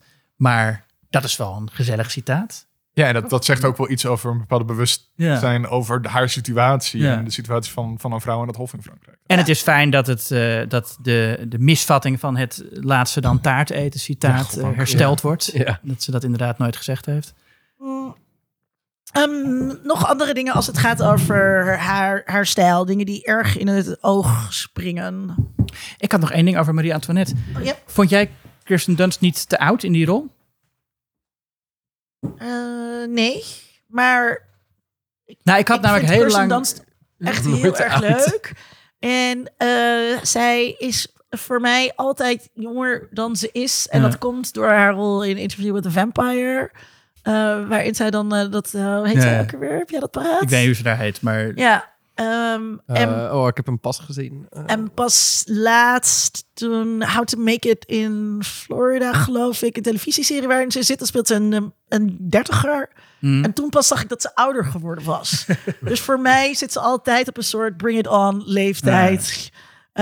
Ergens tussen de 15 en 25 of zo. Oh, ja. Bring it on. Hoe oud was ze Nou, daar toen? Nou ja, dus het speelt van... In het begin moet ze dan 13, of was ze eigenlijk 13. En aan het einde van de film is ze 36 ongeveer. Ja, Dus ja, ze speelt... Maar goed, ze speelt natuurlijk Marie Antoinette tussen die leeftijden. Ik had een groot deel van de film meer het idee dat ze een tienermeisje was dan een twintiger. Ja. Maar ik denk dus eh, dat we mm, die leeftijdscategorieën die wij zo heel erg goed kennen en wij, zo- wij zo heel erg goed onderscheiden, dat zijn heel recentelijke eh, eh, constructies. Ja. Dus überhaupt de tiener, die bestaat eigenlijk pas eh, sinds eh, ongeveer de jaren 50. Ja, maar Coppola doet juist dat concept naar het verleden, toch?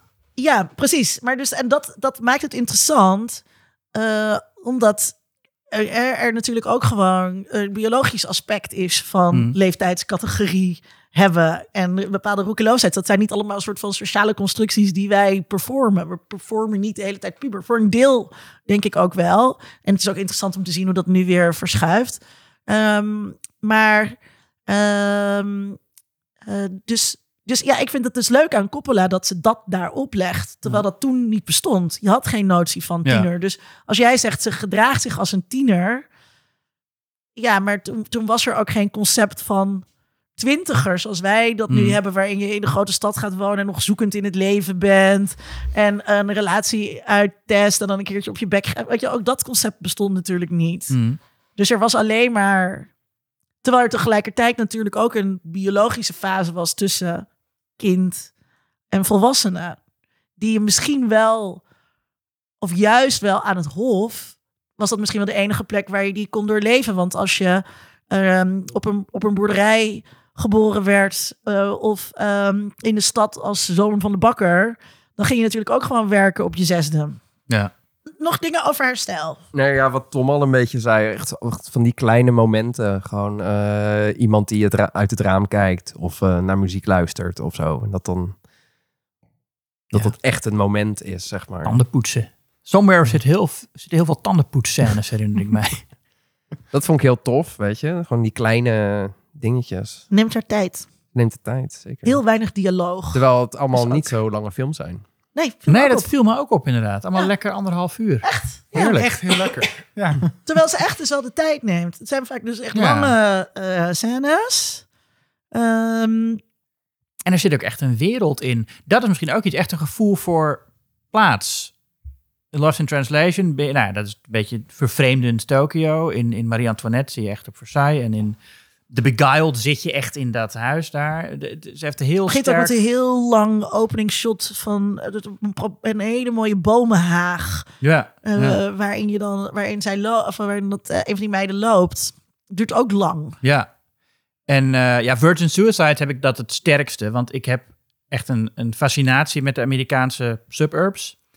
Ik was als tiener ben ik even heb ik in een Canadese suburb een tijdje verbleven bij een oom en tante en werd ik daar heel ongelukkig en ik dacht van waarom is dat nou toch dat ik hier zo ongelukkig word en dat dat is gewoon omdat je daar nergens naartoe kunt En dat zie je dus ook heel erg in, in, in, eh, in, eh, in Virgin Suicides. Van alle, het is daar ja, op het eerste gezicht voor heel veel mensen misschien een prachtige wijk.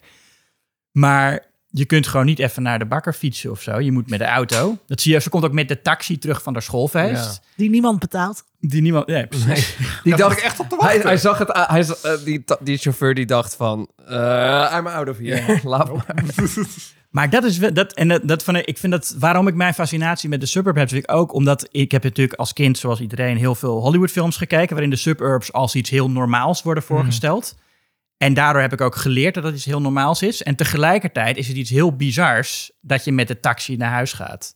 Dus het is tegelijkertijd iets wat heel huiselijk en normaal is, maar ook compleet buitenaards. En ik zou er nooit, nooit willen wonen. En in heel veel horrorfilms is het natuurlijk ook een plek van gevaar. Ja, ook dat. Ja, maar Ja. dan is het ook weer het gevaar dat de veilige Ja, suburbs binnendringt. binnen- en voor mij zijn de suburbs op het eerste gezicht al niet een, Veilige plek. niet. Nee, nee. niet een plek waar je, waar je geestelijk gezond blijft in elk geval. We hebben, het, Ehm. al, we hebben het al best wel wat over eh, thema's ehm, ook gehad. Eh, vervreemding eh, wordt al een paar keer gevallen. Nostalgie, melancholie, eenzaamheid, denk ik ook. Zeker. Ja, Alleen ja, ben ik dus boos dat mensen Japan de schuld geven van de eenzaamheid. Terwijl ze, ze zijn al eenzaam voordat ze in Japan komen. Het is, ehm, En dat is gewoon de locatie, maar het is niet de reden dat ze eenzaam zijn. nee, het is de locatie die hun eenzaamheid aan het licht brengt. Maar de eenzaamheid Ja, was er al. Precies. Ja, Dus mensen, ga naar Japan. Doe het gewoon.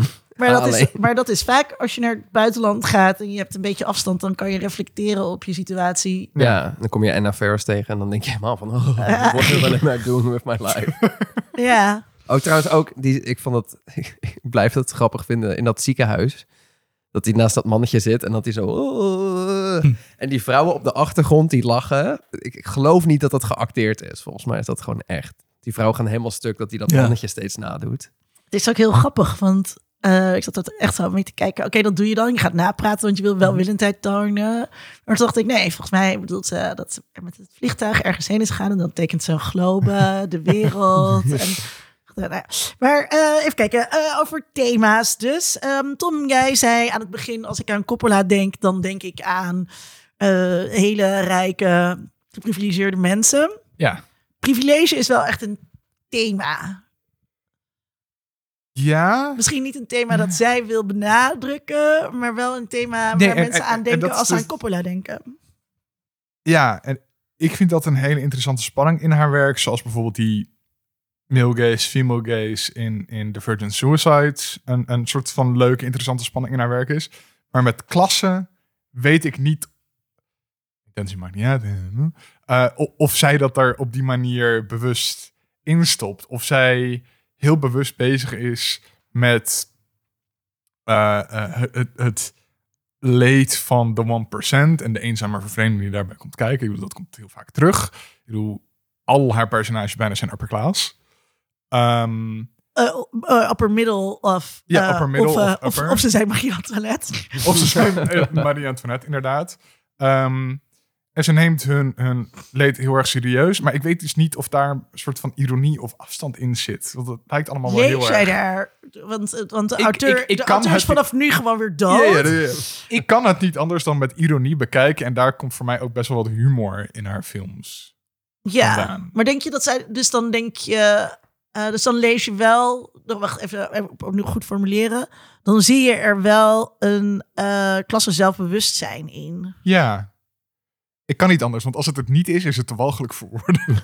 Ja, Ja, maar ik denk ook, ja, je maakt toch persoonlijke films eh, over. Kijk, al- als zij nou een film zou maken over, eh, over heel arme mensen eh, of zo, dan, zou- dan zouden mensen ook weer zeggen: Oh, dit is. Ja, maar Je, ziet, je ziet dat het een rijk meisje is die een film maakt over Ja, arme mensen, want ze snapt ook. die wereld niet. Nee, maar het is ook geen verwijt aan haar. Mhm. Want ik vind het hele mooie films en ik vind het ook interessant om te zien hoe dat soort mensen met empathie benaderd worden. Ehm, maar ja, Het zit er wel heel erg het in. goed. Ja. Ja, het- Nee, nee, het zit er zeker in, ja. Ja, maar we- we, hebben het, we hebben het niet over Somewhere, maar dat is ook een film waar dat heel duidelijk in is dat dat voor haar de wereld van Hollywood en, en showbiz en, en inderdaad ontzettend privilege gewoon haar, eh, haar thuis is. Maar moet, moet dat? Moet, mo- moeten we dat dus van haar vragen? Dat ze, dat ze films maakt die niet eh, daarover gaan? Ik Denk het niet. Nee, denk ik ook niet.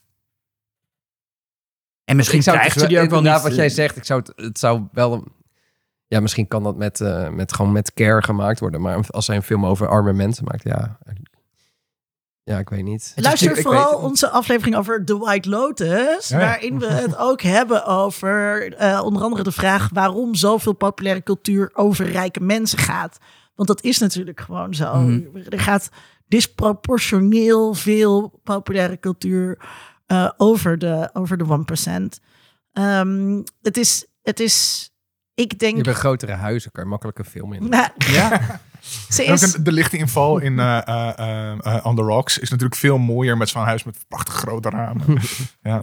Eh, en het is ook gewoon heel leuk om een vader eh, te hebben die dan aankomt rijden in een rood spo- sportwagentje, een beluga of een andere vorm van caviar Ja. eh, mee heeft. en heel makkelijk ehm, al, die, al die dingen kan. ja, maar dat, Ik dat vind- vind ik dus het zelfbewuste eraan. Gewoon, je kan die scène niet schrijven zonder te denken, dit is fucking hilarisch. Maar hij is Maar toch een is verschrikkelijke geen- vader, hallo. Nou ja, dat moeten we en- toch wel even eh, establishen. Maar daar, daar gaan we zo even heen. Maar het is, het is nooit een sociale kritiek Nee, toch eh, niet. eh, daarop. Dus dat Nee, privilege is, eh, ja, is, is een soort van het gegeven van de films. Eh, een soort van vanzelfsprekendheid, waar inderdaad ook wel humor voor mij in zit. Maar het wordt nooit bekritiseerd. Nee. We zien nooit de, de, de, de, de eh, zwarte slaaf, eh, tot slaaf Mhm. En hoe die dan aankijkt tegen deze Frans sprekende vrouwen in dat huis. Die positie wordt er dan gewoon voor het gemak even uitgeschreven. Ja. Dat, dat is natuurlijk, dat zegt best wel veel. Sterker nog, in On the Rocks is het eigenlijk van de vrouw is verkeerd. De vrouw heeft het verkeerd wat heeft ze verkeerd? dat de man vreemd gaat. Toch? Oh, dat- verkeerd, dus laten we dat aanpraten door haar vader. nou, maar Ja. ze dacht het al. En We weten trouwens helemaal niet of Door ja. een slechte vader te zijn bevestigd dat. Ja. Omdat En- ze zoveel trauma al heeft door hem. En er, wordt niks opgelost aan het einde van die film. Ik vind het Nee, echt- ja, ik nee. vond het einde vond ik echt een Nee. beetje jammer. Ja. Ik, want ik, ik dacht nog steeds van, hij heeft al zijn sms'jes verwijderd. Eh, volgens mij is hij nog Dat is steeds vreemd sketch. gegaan hoor. Eh, nou, know. het wordt in ieder geval... Mark Rutte. eh, ik dacht, eh, het kan nog steeds waar zijn. Ja, Ja, Dus hij zeker, kan ja. nog steeds zowel nu naar huis zijn gekomen als daarvoor een affaire met haar gehad hebben. Maar dan is Want het toch... dat we die vrouw dan met een andere vrouw in het huisje in Mexico zien, betekent niet ehm, dat, eh weet ze, Fifi Ja. eh, niet eerder met hem een affaire eh, gehad Nee. kan hebben. Biseksualiteit is real. Ik wilde... En niet dat biseksuelen allemaal evil zijn, maar oké. Maar ehm, even, ja, dat is toch wel de pink elephant in the room, die er denk ik al vanaf het begin eh, staat. Hallo, daddy issues als thema in de films van Sofia Coppola. Zeker. Ik, ik hou heel erg van verhalen over vaders en dochters. Die, eh, Had jij maar daddy issues als meisje? Heb je een soort vulva night? Dat is ook- had ik nou maar een vulva, dan kon ik ook op deze manier daddy issues hebben. Mijn favoriete, ding aan, eh, mijn, mijn favoriete ding aan The Simpsons is ook de relatie tussen Homer en Lisa. En, eh, en ik vond dus ook On The Rocks heb ik ook echt van genoten. Want ik hou echt vooral van... Het was, daarom hield ik ook zo van, eh, hoe heet die film nou? Ehm, Tony Erdman. Nou ja, van... eh, Op de, ik, eh, vrouwen die een heel eh, een beetje een serieus leven te hebben en een, en een lollige vader die daar dan Ja. zo tussen komt en de boel verstoort. En dat de- de vrouw daar dan op een gegeven moment ook genoeg van heeft. En daarom was ik ook ja, inderdaad wel teleurgesteld. Maar ook niet echt verrast door het einde. Want ze is heel vergevingsgezind, die Sofia Coppola. Als regisseur. En haar personages zijn dat vaak ook. Ik had liever gezien dat ze inderdaad... eh, er meer een open einde was in elk geval. Dat, dat Bill Murray aan het einde niet meer... Aan het einde van, eh, van de film, eh, dus op een gegeven moment in de film, eh, geeft Bill Spoilers. Murray haar, spoilers, geeft Bill Murray haar, zijn een oud horloge van hem. En dan gaat ze helemaal op in die Daddy's Little Girl. En oh, dat vond ik altijd zo'n mooi horloge. En ze is er heel erg blij mee. En dan aan het einde van de film, en dit is volgens mij een van de main redenen waarom Sofia Coppola geen feministische auteur is, ehm, dan aan het einde van de film krijgt ze van haar echtgenoot het horloge eh, van Cartier dat hij al lang gekocht had. En hij had iets engraved en daardoor duurde het zo lang. En dan doet ze heel symbolisch dat horloge van haar vader af. En dan doet ze dat horloge van hem om. Ze is no longer daddy's girl, maar ze is weer helemaal bij dat huwelijk en zij is his girl. Waar ik voor Eeuw. mij een enorme eh bezitterigheid eh, van uitging. Terwijl Hmm. eerder in de film ehm, merkt Bill Murray op dat het huwelijk een voortvloeisel is van, van doorgeven van bezit. Wat het ook heel erg is.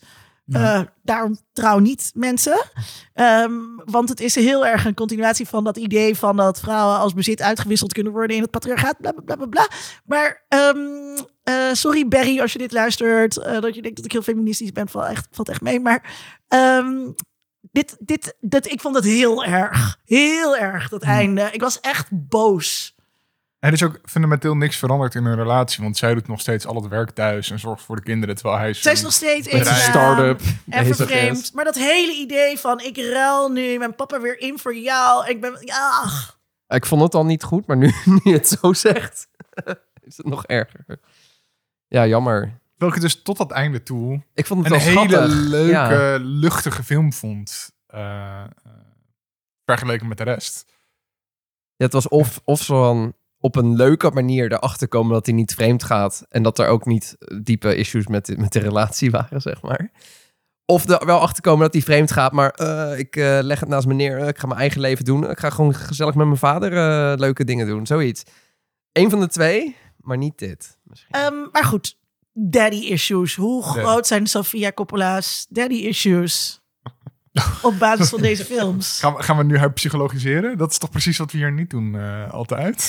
Ehm, nou ja, dus maak, maak maar de case dan tegen die, die roze olifant.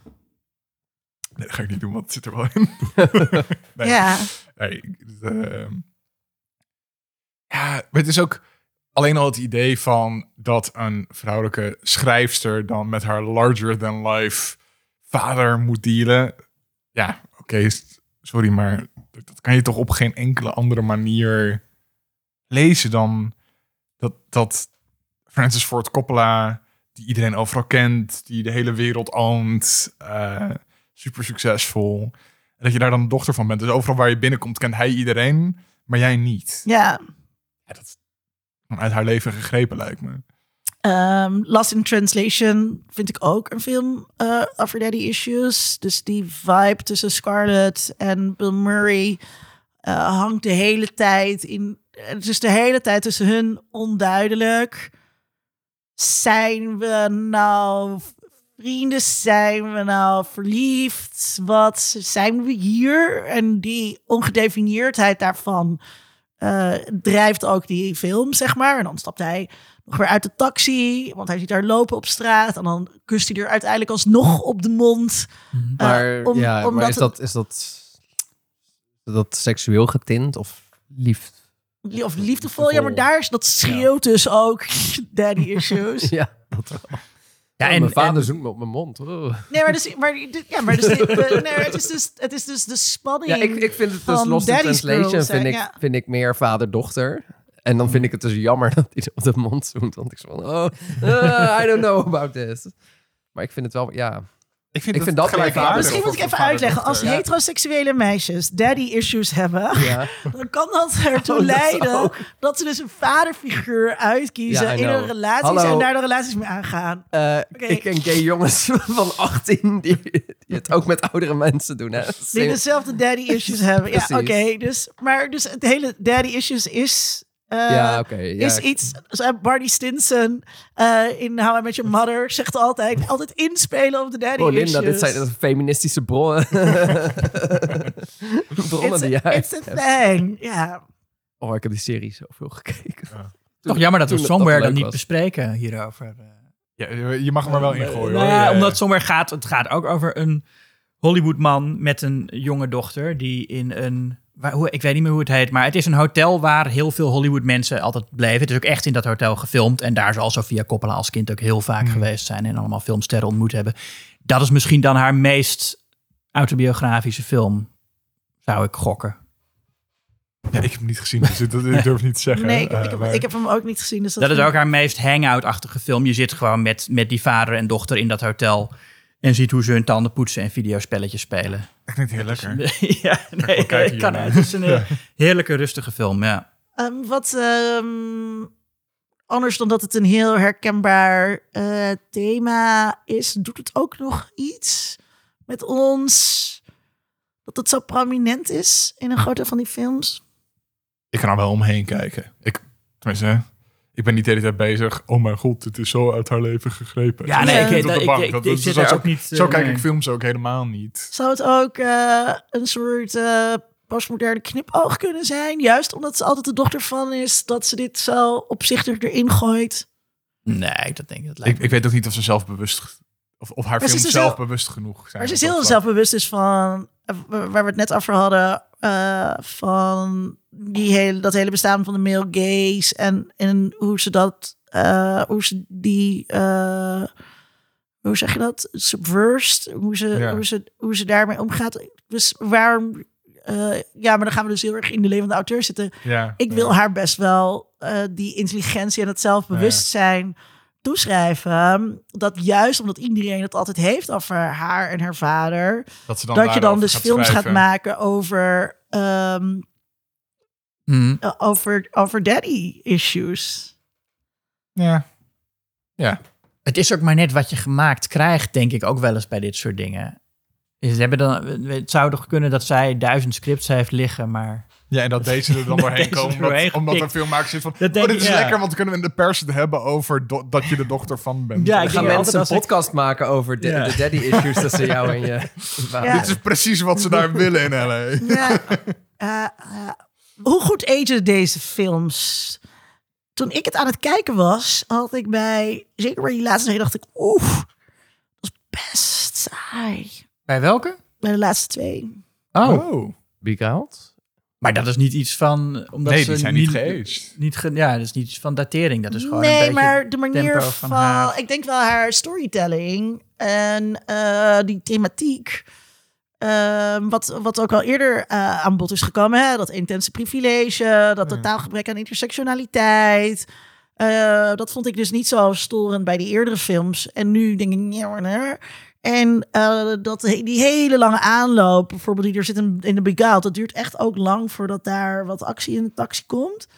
Oh, maar dan vond ik juist die, die spanning die Ja. eronder lag. Vond, en die blikken de hele tijd. Van, Ja. eh, wat Dat is, gebeurt er? dat Gaat mag aan mij. Hoe, ja, oké. hoe vinden jullie dat de films You're the problem.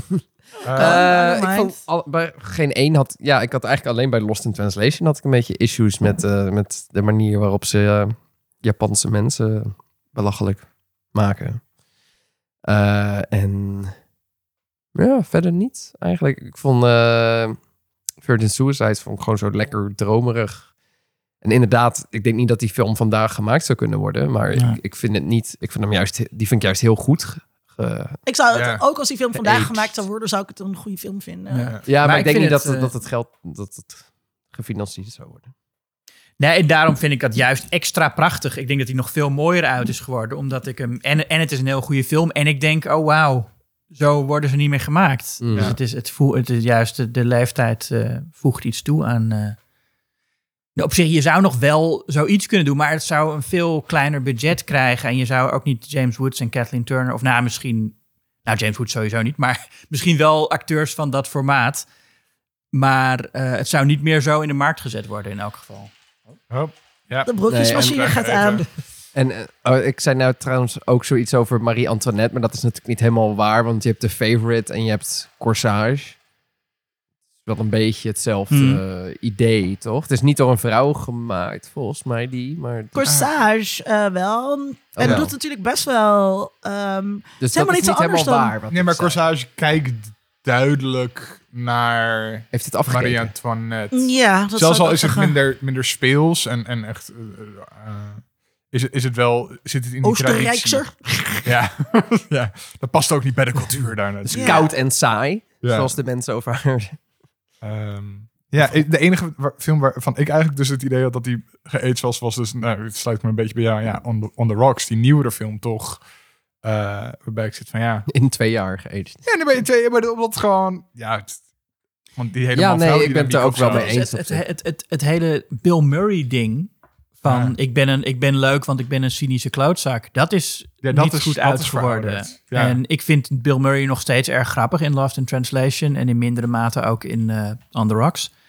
Maar dat personage, je ziet het ook niet meer in comedies van tegenwoordig. Zo iemand die grappig is omdat hij niks serieus neemt. ja, en daarom ook, is niet meer ja. cool.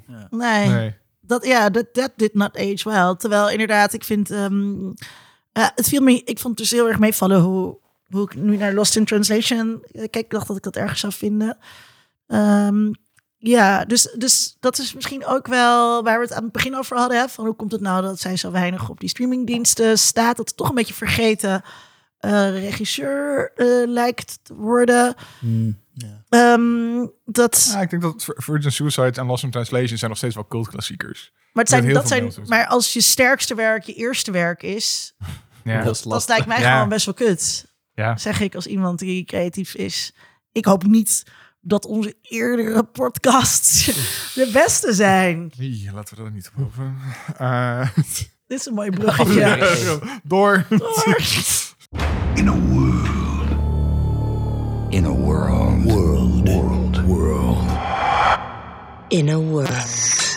Oké, eh, we zijn al een tijdje bezig. Waar hebben we zin in? Lekker snel. Julius, waar heb je zin in? John Wick 4. John Wick 4. Want Daar is onlangs de trailer van eh, verschenen. Misschien is hij al lang. Misschien, wanneer komt deze podcast uit? Eh, donderdag en zaterdag. Ja. Oh, dus aankomende donderdag al. Ja. Oh, Oké, nou dan kan ik... Ja, John Wick 4, eh laat zeggen. Ja, ik ben ontzettend fan van de John Wick films. eh, beste actiereeks van dit moment. Keanu Reeves is fantastisch en zou al lang een Oscar gekregen moeten hebben voor eh, zijn werk in die films. En, en ja, nee, heel goede acteur. Ik vind de mensen zeggen dat hij een slechte acteur is, maar dat is niet zo. Nee, hij is heel goed in wat hij... Hij is ontzettend goed in wat hij doet. Dialoog is hij niet goed in, maar dat is ook helemaal niet waar zo'n film over gaat. Het is echt fysiek spelen wat hij doet, heel sterk. En fantastisch geschoten. Luister vooral onze aflevering Kerst met Keanu. Ah, kijk, nou. Ja, echt een, eh, ja, een heel mooie klassieke filmster is hij. En waar ik dan ook zin in heb, omdat deze donderdag al uitkomt, kan ik zeggen dat aanstaande zaterdag is in zaal 100 in Amsterdam de presentatie van de Luchtman Avonturenbox. En dat is een, eh, Luchtman is een, is een, is een eh, jazz fusion Superheld met disco adem. pop. Nee, het is een band. Het is, een- het is een Yes, soort... het- Luchtman. Het is, het is, het is fijne, eh, eh, fijne jazzy dans, popmuziek. Eh, lekker korte eh, elektronische nummertjes. Waar je goed op kunt dansen. En eh, ik heb samen met Masha Picculina de, en Casper Braat, een kunstenaar, hebben wij de, eh, eh, de strips en de verpakking van het album vormgegeven. Dus uh, Masha en ik hebben een eh, stripverhalen gemaakt over de superheld Luchtman. Toch En- een superheld. ja, hij is een superheld, jazeker. Ja. En eh, en Casper Braat, de kunstenaar, heeft daarbij eh, een heel mooie verpakking gemaakt. Eh, en het ziet er allemaal fantastisch uit. Het zijn prachtige objecten. Vier luchtman avonturenboxen. Die alle vier tegelijk uitgebracht worden met, met cassettebandjes erbij, lekker retro. En een live optreden in zaal 100. Er zijn mensen die dit op zaterdag luisteren, die daar dan heen kunnen. Er zijn Ja. ook mensen die dit na zaterdag luisteren pech gehad. Nou, dan kun je alsnog Maar de Luchtman avonturenbox cassettebandjes, bestellen. Ja. ja. Of gewoon Sorry, Luchtman luisteren. Waar kijk jij naar uit? Eh, oh, dat is moeilijk, want het is een beetje barre tijden. Eh, of misschien ligt het aan mij. Eh, ik eh, ben gestopt met roken, zoals de luisteraar al eerder hoorde in deze aflevering. En dat bespaart heel veel geld. Eh, dus heb ik ka- moet ik mezelf cadeaus geven. Dus ik heb God of War Ragnarok besteld. De nieuwe God of War. En wat volgens alle recensenten een van de beste spellen van het jaar is. Dus daar heb ik heel veel zin in. Je speelt een oude, wat is het? Griekse god? Is het Grieks? Eh, eh, Thor ja, Kratos, eh, geen Griekse god. Eh, maar hij, hij, hij, het Een- is een een- Grieks personage. Een, een god. En is een Grieks eh, die eh, is in de Noorse... hij is terechtgekomen in de Noorse mythologie-wereld. En eh, moet dan eh, Thor... eh, tegen Thor vechten en dat soort dingen. En hij heeft een band met zijn zoon. En dat is gewoon heel leuk gedaan. Eh, het vorige spel was heel goed. eh, dus heel veel zin in deze. En het schijnt er geweldig uit te zien. Dus dan kan ik mijn PlayStation 5 weer Goed zo. daarvoor gebruiken. En als je heel, ge- heel intens aan het gamen bent en er helemaal in opgaat, kan je niet roken. Ja, precies. Ja. En het eh, Oh, tweede... ja? Oh, tweede. eh, sorry, sorry, sorry. Ik ben nee, echt ja, onaardig voor Sony deze aflevering. Eh, de menu. Ik kijk naar Julius. Ik dacht, die heeft het misschien al gezien. Het was op, op Imagine Film Festival was die ook al. Eh Ray Fiennes is een topchef. En die eh, laat allemaal mensen naar zijn eiland komen. En dan moeten ze dan... eh, dwingt hij hun om ook te gaan koken. Of zo. Allemaal voedselrecensenten. En hij, eh, het is een soort horrorfilm. Eh, en dat klinkt geweldig. Dus daar heb ik heel veel zin in. Tom. Ik heb heel erg zin aan eh, in een game die ik al een tijdje naast me op de bank gespeeld zie worden eh, door Jasmine, mijn vriendin. Oeh. Cult of the Lamb eh, Ja, ja. op de Switch. Ehm, daar ben je een schattig onschuldig lammetje die een demonische cult op moet gaan richten en volgers moet gaan verzamelen. Ehm, en volgers moet opofferen aan jouw donkere god. Klopt. Eh, het ziet er allemaal heel cute eh, Oh, uit. ik heb nu ook heel veel zin om Ja. Twitter-volgers op te gaan. Oh mijn god. En eh, het- het is een beetje een combinatie tussen dat je een, eh, een soort campsite voor je cult aan het bouwen bent. Dus eigenlijk een beetje eh, resources verzamelen, dingen bouwen, dat soort dingen. Van gewoon een strategiegame. En een roguelike waarbij je kamer voor kamer af moet vechten om je weg naar nieuwe volgers toe te knokken. Ehm, ik hou van alle twee die soorten games die ze daar gecombineerd hebben. Dus ik ben heel erg benieuwd naar hoe het is om die te gaan spelen. Het is heel duister en grappig. Dus Hoe komt het leuk. dat Jasmine dit speelt en jij niet? Eh, omdat Jasmine hem eerst gedownload heeft. Ik, eh, Ja. ik heb het gespeeld. Eh, of ik ben op de helft. Eh, echt superleuk. Hmm. Echt, echt een aanrader. Ik heb heel veel zin eh, in op vakantie gaan en dat ga ik eh, donderdag doen. Eh, ik ga naar de Verenigde Staten, onder andere naar Miami. Dus ik heb heel veel zin om te partyen met J-Lo. Ik ga ook naar Savannah. En Savannah is een stadje in het zuiden dat best wel bekend is uit heel veel films. Bijvoorbeeld Forrest Gump of Midnight in the Garden of Good and Evil. Dus ik ga daar eh, ik heb zin in een beetje een soort van media tourism daar. Ehm, en eh, dan ga ik ook aan de White Lotus beginnen. Ja. Ik denk dat ik even wacht totdat ik dus zelf lekker jetlagged ben. En in die staat van in hotels verkeren en zo ben om, eh, om aan seizoen 2 van de White Lotus te gaan beginnen. Leuk. Dit was aflevering 107 van de podcast Geeky Dingen. Steun ons door bijvoorbeeld met andere mensen over deze podcast te praten en hem aan te raden als je hem leuk vindt. Of met de grond gelijk te maken als je hem stom vindt. Want dan gaan mensen alsnog luisteren wat er dan zo slecht aan is. En dan vinden ze het misschien toch wel leuk. Zoals altijd dank aan onze vaste steun Rona Bosman. Wil je ons ook financieel steunen zoals zij? Word dan vriend van de show of Patreon. Als je mee wilt praten over wat dan ook. Als je je mening wilt laten horen over Sofia Coppola, over de daddy issues. Als je een idee hebt over waar Tom en ik bijvoorbeeld bonus content over kunnen maken. eh, dan horen we dat graag. Eh, als je tips hebt voor Sonny, hoe die het stoppen met roken kunt, kan volhouden.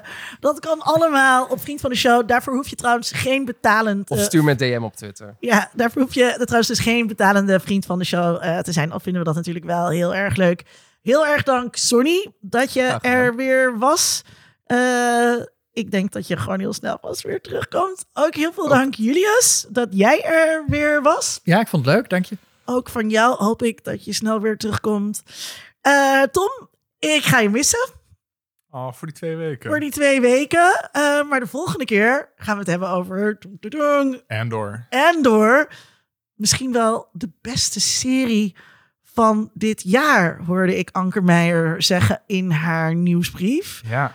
Dat eh, belooft wat. Hey, ja ik, ik, het vind het heel grappig. We hebben de hele tijd naar de wedloop tussen House of the Dragon en eh, eh, Rings of Power zitten kijken. Ja. En Endor is er volgens mij een beetje als de lachende derde met de prijs van doorgegaan. Wanneer er twee honden vechten om een been, gaat de derde er snel mee heen. Ja. Oké, oké. Ik heb dus nog niks gezien.